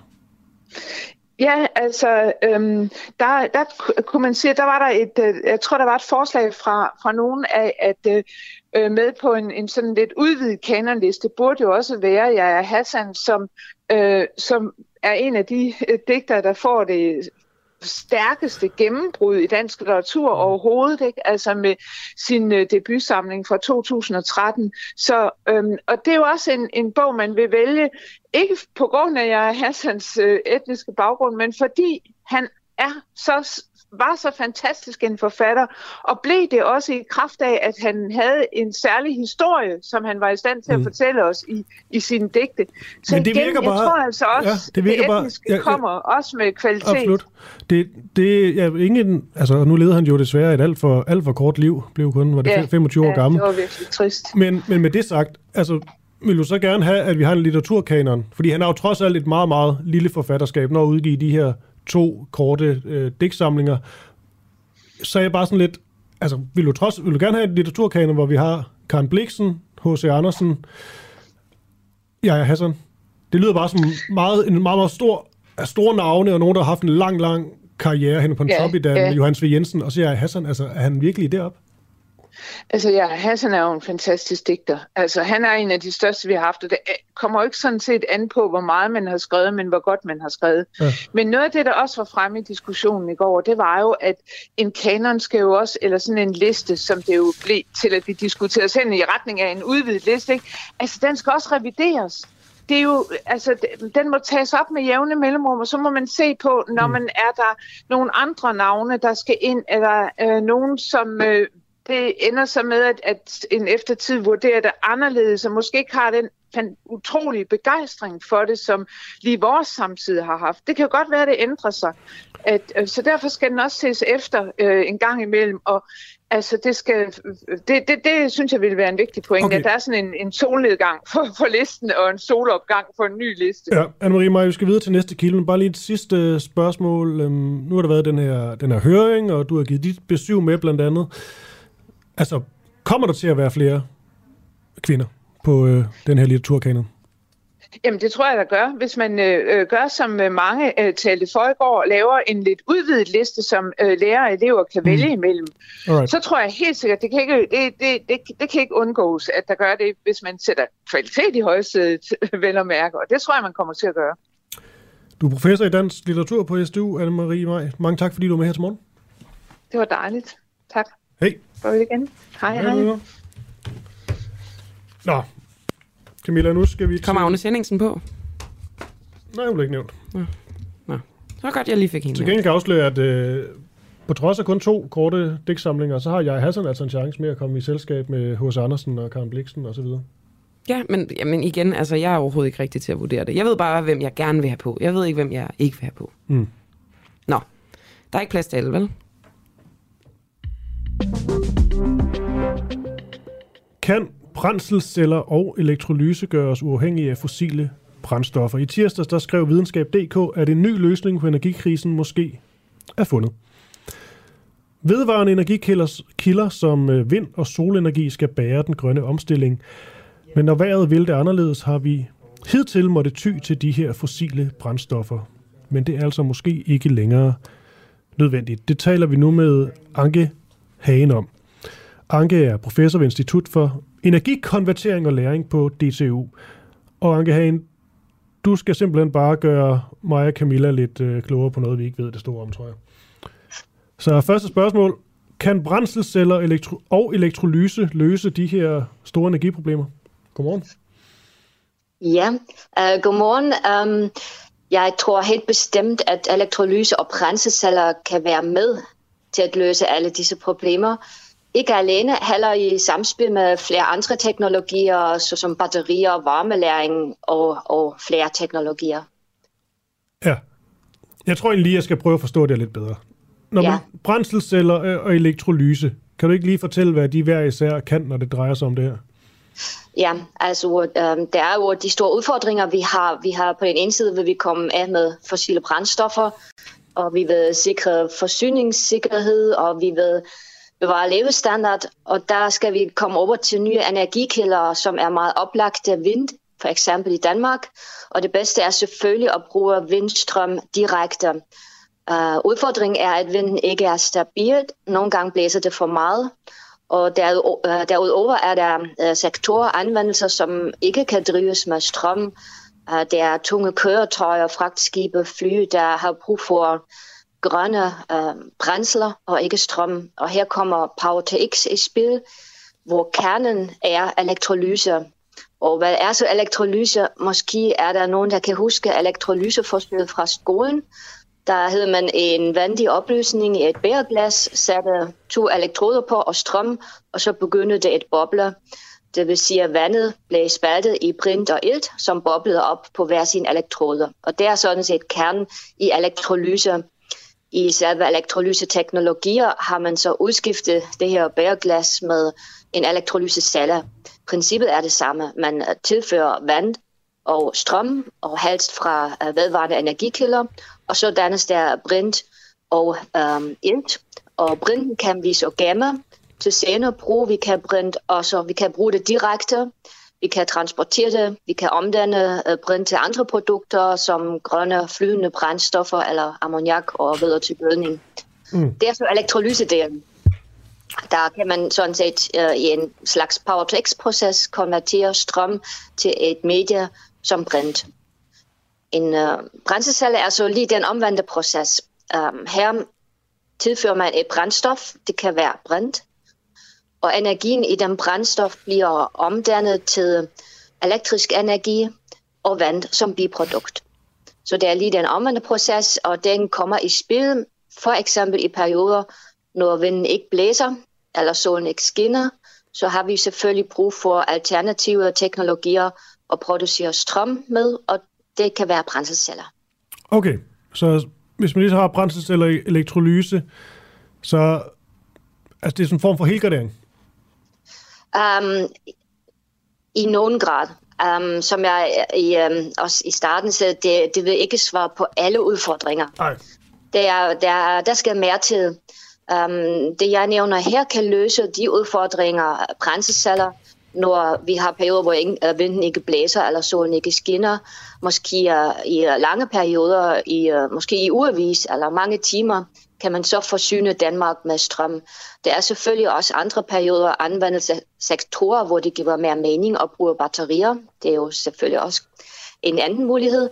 Og omvendt, når man tænker på elektrolyse, så er det så også en af de mulige øh, teknologier, der kan løse vores udfordringer. Øhm, jeg vil ikke påstå, at det, kommer til at stå helt alene i et fremtidigt øh, energisystem, jeg tror, det bliver et, uh, et mangfoldigt mix af mange teknologier, der sætter ind alt efter størrelsesorden, tidshorisont, uh, hvor man skal uh, konvertere en elekt- uh, energiform til en anden. Ja, og det er jo, alle de her energiformer skal jo helst være en, en blandet landhandel, for det gør det jo lidt, lidt mindre sårbart, øh, unægteligt, ja. men, men kan vi, altså, ja, nu har jeg lavet mange interviews efterhånden med, med det her, så, så bliver der opfundet det ene og det andet, og der bliver egentlig lovet guld og grønne skove. Tit der bliver der sagt, at grund til, at det ikke er implementeret, det er fordi, det er for dyrt. Ja. Altså, hvad, hvad er tilfældet øh, her? Uh, jeg tror, vi er faktisk i en enormt spændende tid, hvor elektrolyse og Power to X rent faktisk bliver rullet ud i samfundet. Det ser vi også her i Danmark. Der er øh, kommuner, Green Lab Skive, øh, flere forskellige øh, organisationer, der begynder at, at øh, implementere de her elektrolyse mm. øh, teknologier. Der findes flere forskellige versioner. Noget er mere modne end andre. Uh, en er for eksempel alkalisk elektrolyse, det er mere moden, og det er uh, det kommer ud i disse, tiger, uh, i disse uger og dage, og uh, bliver også delvis koblet til vedvarende energikilder. Så det er ikke noget, der ligger i, helt langt ude i fremtiden. Det er noget, der sker her og nu. Og det er klart, at mange af de nye teknologier, de er dyrere end dem, vi har udviklet over årtier, eller måske også århundrede. Uh, men nu er tiden måske også helt moden til dem, fordi uh, teknologien er forholdsvis moden, der er politisk vilje, der er opbakning i samfundet, og um, altså, vi er sådan set i, uh, i selve processen, at disse elektrolyse-teknologier kommer ud. Vi har nogle virksomheder i Danmark, vi har Green Hydrogen Systems, der arbejder med mm-hmm. uh, alkaliske elektrolyseceller. Uh, de, de ruller uh, uh, enheder ud. Vi har uh, Topsø, der arbejder med keramiske elektrolyseceller. Det er sådan set den, Så det er, det er godt på vej, kan man sige. Uh, tusind tak for det, Anke ja. Hane. Ja. Professor ved Institut for Energikonvertering og Læring på DTU. Tusind tak. Ja, tak. hej. Hej. Spændende, spændende. Også selvom jeg altid lidt føler mig som sådan en dum elev på bagerste række, som ikke helt forstår, at der bliver sagt. Som sad i fysiktimen og sov på bordet. Ja. Mm. Klokken er blevet øh, 8.44 lige præcis, og øh, der er lige tækket en, øh, en nyhed ind her. Volodymyr Zelensky, altså Ukraines præsident, han er taget til Tyskland. Altså, jeg blev helt chokeret, da jeg så den overskrift der. Han har sådan forladt, øh, forladt Kiev. Det er dog ikke, fordi man er taget på flugt og ligesom har givet op. Der står her, øh, jeg er inde på Ekstrabladet. Den ukrainske præsident Volodymyr Zelensky er taget til Tyskland for at mødes med højtstående politikere i netop øh, Tyskland. Det skriver Kievs borgmester Vitali Klitschko, K, undskyld, ifølge VG på hans officielle Telegram. I Tyskland der skal Zelensky mødes med tyske politikere for at søge politisk, økonomisk, humanitær og militær bistand til Ukraine. Og så, ja, lige for det hele med. Zelensky har opholdt sig i Ukraine siden krigen brød ud for fem uger siden, og oplysningerne er endnu ikke bekræftet fra andre sider. Okay, jeg synes, det er helt vildt det her, fordi han jo har været symbolet på, på modstanden. Ikke? Det er, at han selv stod som kaptajnen, altså den sidste på skibet. Ikke? Og det er ikke, fordi han forlader skibet. Det ved jeg godt, jamen, det ved jeg godt, men det gør han jo alligevel midlertidigt. Ikke? Altså, jo. Og jeg ved godt, at han sikkert, øh, når det lige er ham, sagtens skal komme ind igen og sådan noget. Men jeg, jeg tænker bare, hvis det er rigtigt, så må det være fordi, at Tyskland virkelig lover ham guld og grønne skove, fordi ellers kunne han vel tage det på Teams. Ja. Nå, jeg synes, det, det, vi ved vildt, ikke så meget mere, nej, nej, men det det, er det er i hvert fald det, det, det, det går på lige nu, skal de sige. Vi har ikke noget for noget at bekræfte. Nej, det er rigtigt. Det er rigtigt. Okay. Og så har vi fået Karin Klitgaard i studiet. Velkommen til, Karin. Tak skal du have. Du er underdirektør i Dansk Industri, og vi spørger dig, om vi kan stole på netop Dansk Industri, at I mener det, når I siger, at øh, I vil gøre noget ved det globale overforbrug af ressourcer. For øh, i en kronik i politikken, der advarer Dansk Industri sammen med Danmarks Naturfredningsforening om, at Danmark i denne uge ville have opbrugt sin kvote for hele året, hvis alle klodens ressourcer var fordelt lige. Hvis, vi, hvis alle lever, som vi gør i Danmark, skal vi bruge over flere jordkloder, skriver I. Fire jordkloder. Ja. Ja, undskyld. Fire jordkloder selvfølgelig. Og øh, Karin Klitgaard, hvilke krav vil du forpligte jeres medlemmer i Dansk Industri til at, at leve op til, for ligesom at forbruge færre ressourcer? Vi kan ikke forpligte vores medlemmer, men, men det vi kan gøre, det er, at vi kan samarbejde med dem om at lave nogle andre forretningsmodeller, så de bruger færre ressourcer, når de fremstiller produkter eller teknologi. Og hvad er det for nogle forretningsmodeller? Kan du blive konkret på, hvordan Ja, det kan altså, man kan ændre sin forretningsmodel til det færre kan jeg ressourcer? sagtens. Øh, det, vi, det vi øh, arbejder med sådan helt konkret, for eksempel lige nu, det er jo emballage. Det kan vi alle sammen forholde os til. Vi bruger det alle sammen. Det, som mange begynder at gøre nu, det er at forsøge at bruge genanvendte ressourcer til at fremstille emballage med. Øh, og, og det er jo en måde at hvad kan man sige, lette trykket på, på de nye og virgine materialer, vi har. Det vil sige, du, øh, vi kender det fra pandsystemet. Vi genbruger af vores, øh, vores flasker, vi øh, genfremstiller vores plast, så vi bruger den plast, vi allerede har taget i brug flere gange.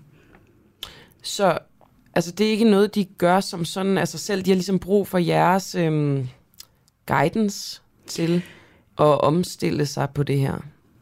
Nej, de fleste virksomheder har ret godt styr på deres egne forretninger og deres muligheder, men, men, men det er klart, at vi kan være med til at vise, hvilke muligheder der kan være for at øh, for, for ny lovgivning, der er på vej. Vi så for eksempel et, øh, et øh, udspil fra kommissionen i går omkring bæredygtige produkter.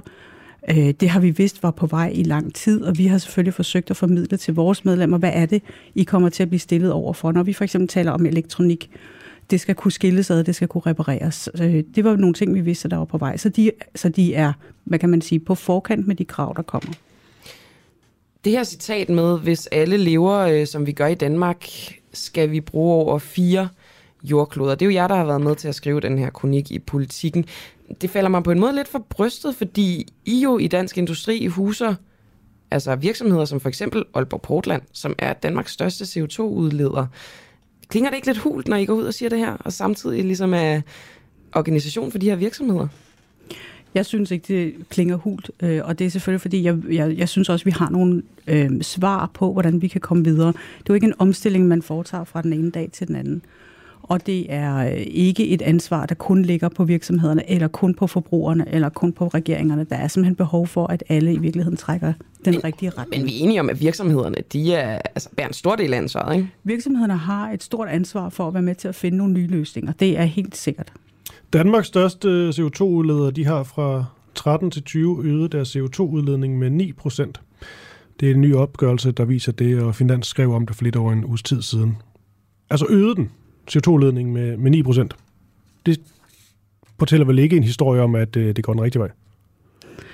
Jeg synes, det er mere nuanceret end som så, fordi det jo blandt andet er, fordi vi sælger, eller den virksomhed, I taler om, sælger mere, flere af deres produkter, fordi vi bygger infrastruktur i Danmark, for eksempel.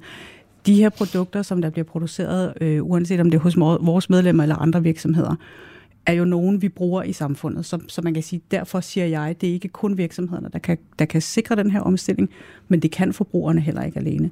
Der skal man gøre flere forskellige ting. Og jeg synes Det her var nu også Nordic Sugar og Rockwool og, og så videre. Altså, det, er jo, det er jo flere virksomheder.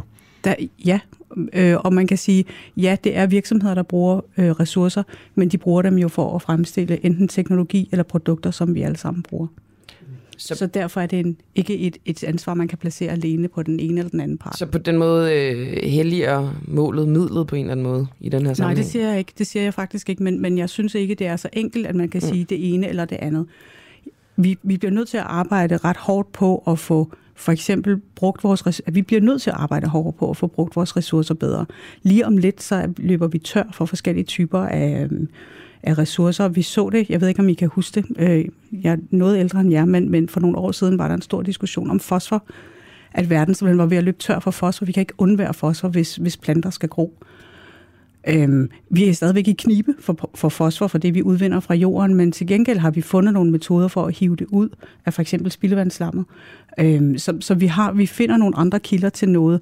Jeg siger ikke, det er så enkelt med alle. Det var heller ikke enkelt, men, men så enkelt er det ikke med alle ting.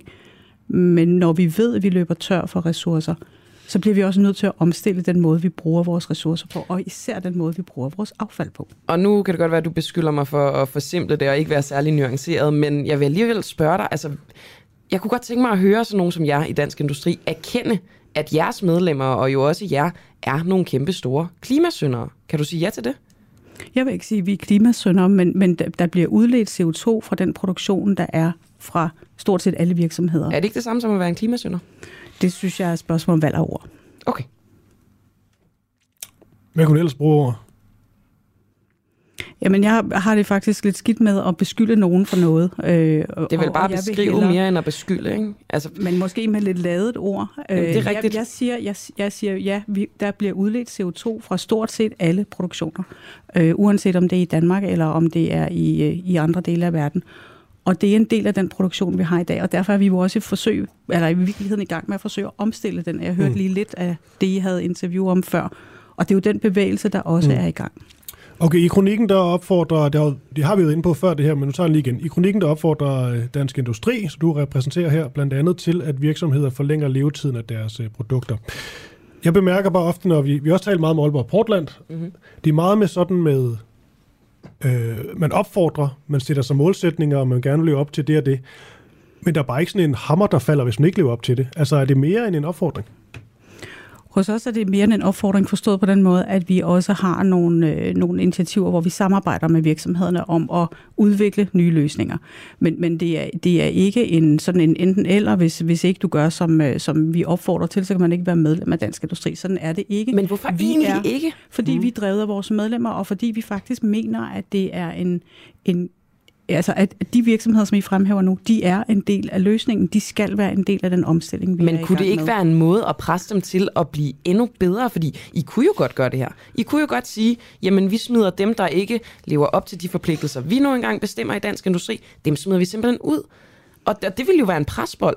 Altså, så savner man nogle gange, at det bliver andet end en opfordring, at der kunne komme en presbold, for det har I jo muligheden for at gøre. Men holder vi op med at smide vores mobiltelefoner ud, når vi ikke synes, at de er pæne nok mere af, at jeg ekskluderer en virksomhed fra dansk industri? Det tror jeg ikke på.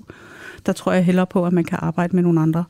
Øhm, altså, man kan arbejde om at få udviklet nogle andre metoder det er jo det argument, der øh, altid bliver brugt, for eksempel også med VM i Katar. Ikke? Vi skal være med, fordi så kan vi være i en dialog, og så kan, så kan vi prøve at, at fremme noget forandring, i stedet for ligesom at sætte foden ned. Men det er som om, der er aldrig nogen, der vil prøve at sætte foden ned. Hvorfor ikke? Men jeg spørger i virkeligheden dig, hvad skulle det hjælpe at sætte foden ned? Fordi det ved jeg jo ikke, for der er jo ikke nogen, der prøver. Jeg, ændrer jeg mit forbrug, for eksempel i forhold til elektronik, af at der er en virksomhed, der bliver eksploderet? Men det kan jo være, at Aalborg Portland altså rigtig gerne vil være medlem af Dansk Industri. Ikke? Det er jo en interesseorganisation, det er der nogle fordele mm. i. Ikke? Så, så hvis der kommer den presbold, at de bliver smidt ud, hvis de ikke overholder nogle forpligtelser, så kunne det jo godt være, at de ændrede endnu mere. Gjorde sig ja, endnu grønnere. Men, men, men sådan arbejder vi ikke i Dansk Industri. Der holder men vi, hvorfor ikke det? Vi, fordi vi gerne vil hjælpe vores medlemmer til at bevæge sig Men vil I ikke hjælpe kloden?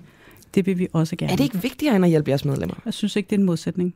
Jeg, jeg synes, de ting hænger sammen. Jeg mener ikke, at vi kan tale seriøst om en grøn omstilling, hvis vi ikke også taler om det forbrug, vi har af elektronik eller emballage eller af cement. Så de det... ting er en del af vores verden. Men så og det sender er jo du den, den jo videre om... til forbrugerne i virkeligheden. Nej, det synes jeg egentlig ikke, jeg gør. Jeg, jeg, jeg startede jo med at sige, at det her det er et fælles ansvar, og virksomhederne har et stort ansvar for at udvikle løsninger. Vi forbrugere har også et ansvar for at tænke os om, når vi køber ind.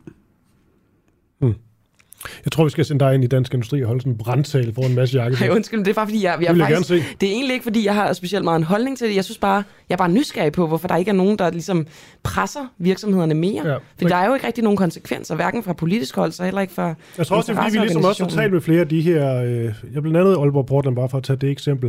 Og jeg tror bare, at vi sådan samlet har været lidt undrende over, at de her aftaler aldrig rigtig er mere end noget, man har på ord. Altså, der er ikke nogen sådan konsekvenser, hvis det ikke lever op til de her de krav, som man burde sætte måske i forhold til CO2-udledning? Altså, hvorfor er det ikke bare slå, altså, er lidt mere markant, så det er ikke bare i går så en opfordring? Det bliver det på nogle punkter, men hvis, hvis, hvis I kigger på det forslag, der kom fra EU-kommissionen i går, ja. så ligger der nogle, øh, en lovgivning, som hedder ecodesign, øh, som stiller krav til de produkter, man vil sælge på det europæiske marked. En kæmpe stor del af det øh, direktiv, som det har eksisteret indtil nu, det er at stille krav til energieffektivisering. Og det vil jo sige til, at når vi køber vaskemaskiner, så udleder de mindre CO2. Øhm, vi har også på vej nu jo nogle mærkningsordninger, men der findes også inden for for eksempel byggeriet jo nogle krav til, hvordan man skal stille sig. Så det er jo den vej rundt, der kommer nogle krav til, at man skal udlede mindre og mindre CO2. Så det er den bløde vej i går hos Dansk Industri, og vi ligesom holder virksomhederne i hånden, for at de kan optimere sig. Ja, jeg tror, at nogle af dem, som arbejder med den her omstilling, de, jeg tror ikke, de synes, det er den bløde vej. Jeg tror, de synes, det er benhårdt, fordi det er svært. Ja, det er selvfølgelig rigtigt. Det vil jeg, det vil jeg også fuldstændig gerne, øh, gerne medgive. Det er bare, det er mere det her, altså nu, øh, nu har vi brugt alle ressourcer, øh, den første fjerdedel af året ikke? Øh, i Danmark, og, og, og tallene er jo altid sådan der. Så det er derfor, det undrer mig, at det bliver ved med at være sådan konsekvensløst og være en stor CO2-udleder, som virksomhed for eksempel i Danmark. Jeg, jeg, tror, man skal, jeg tror også, man skal... Altså, det, det er jo ikke godt nok, hvis man kan sige, hvis man skal have en, en ligelig udvikling i verden, at det mm. ser sådan ud. Det, det, det, kan jo, det er jo svært at, øh, at, ligesom at påstå det modsatte. Øhm, men, men jeg tror, hvis du kigger på andre vestlige lande, så er den vestlige verden, den rigeste del af verden, det er også os, der bruger de fleste ressourcer. Og derfor er det også os, der skal gå foran i den her omstilling. Men, men jeg tror også, at vi skal, altså, vi skal arbejde os hen imod den, øh, og vi skal blive bedre og bedre. Og det er klart, at, at jo bedre tallene er, jo gladere vil jeg være. Øhm, mm. og, øh, men øh, vi, vi kæmper videre og, øh, og arbejder med det. Godt at høre, Karin Klikgaard, altså øh, underdirektør i Dansk Industri. Tak fordi du kom i studiet. Selvfølgelig. Ja, for god dag. Lige måde. Klokken er 8.57. Og Camilla, jeg har noget til dig nu. Ja. Vi var jo også gode til ligesom at øh, tage vores forbehold for denne her nyhed om, at Zelensky tog til, til Tyskland, ligesom sagde, det er ikke blevet bekræftet endnu. Mm-hmm. Men det stod i flere medier, og vi tog en fra, fra Ekstrabladet, som havde en kilde fra VG. Men nu står der så i den nyhed, jeg lige læste op. Rettelse. Tidligere fremgik det, at den ukrainske præsident Volodymyr Zelensky var taget med delegationen til Tyskland. Det stemmer ikke. Det er Kiev-borgmesterens bror, Vladimir Klitschko, der er taget med den ukrainske delegation til Tyskland. Ligner de to hinanden, eller hvad? Det ved jeg da ikke. Nå, men det er bare, okay. Ja, okay, men det er bare en, en vild misforståelse på en eller anden måde, ikke? Altså, jeg synes, du kunne godt se, hvordan jeg reagerede, ikke? Præsidenten jo. har forladt Ukraine, det er jo... Altså, det synes jeg var, øh, var voldsomt, hvis det var rigtigt. Det var det så heller ikke. Jeg tror simpelthen ikke, Christoffer, at han forlader det land, før at der er fred igen. Nej. Det er ligesom ikke det, der har været hans... Øhm... Jeg tror heller ikke sådan, nu bliver det bare løs snak det her til sidst, men jeg tror heller ikke, de vil risikere det. Fordi trods alt, det kan godt være, at han er i et, i et land, der er i, i krig og sådan noget, men de har styr på, hvor han kan blive gemt henne, hvor de ligesom har deres smutvej, hvor de kan beskytte ham og så videre. Jeg tror, det der med at tage, tage ud af landet, det vil være endnu mere risikabelt. Ja, det er rigtigt. Det er rigtigt. Og fordi han er, altså, han er jo blevet symbolet på øh, kampen, på modstanden, på, på friheden, så vil det være altså en, en katastrofe for øh, Ukraine, hvis han skulle øh, gå hen og blive... Ja. ja, der skulle ske om noget. Og Camilla Boraghi, det var vist det. Det var da en, øh, det var en sjov morgen, synes jeg. Ja, det synes jeg i virkeligheden også. Den startede også med øh, per, per Brandgaard, som øh, betvivlede vores uafhængighed. Ja, ham skal vi have med igen. Ja, det skal vi. Det har vi lovet ham. Han har skrevet noget på Facebook om, at han nok ikke bliver inviteret ind igen. Men så bliver han netop inviteret ind igen. Præcis. Jamen, det er smart. Måske er vi øh, i virkeligheden offer for hans psykologiske spil. Men prøv at høre her. Vi er uafhængige øh, på alle andre punkter, end at vi selvfølgelig er afhængige af medlemmerne, som, øh, som er jer, der finansierer os. Og det kan I altså gøre, hvis I går ind på vores hjemmeside, duah.dk, så kan I blive medlem og støtte os for 59 kroner per måned. Og klokken 9, der kommer Sjøtministeriet, hvis man altså bare hører med live her. Michael Sjøt, han holder morgenmøde med Mads Holm og Simon Astrup, så øh, hør Sjøtministeriet, det ligger også i, øh, i appen. Det er en af vores, øh, de programmer, vi har fået til den uafhængige, hvor vi hele tiden øh, udvider. Så der er faktisk nogle gode grunde til at, øh, melde sig ind. Man får noget for pengene. Ja, det er mere en indmeldelse end en støtte nu om dagen, ikke? Ja.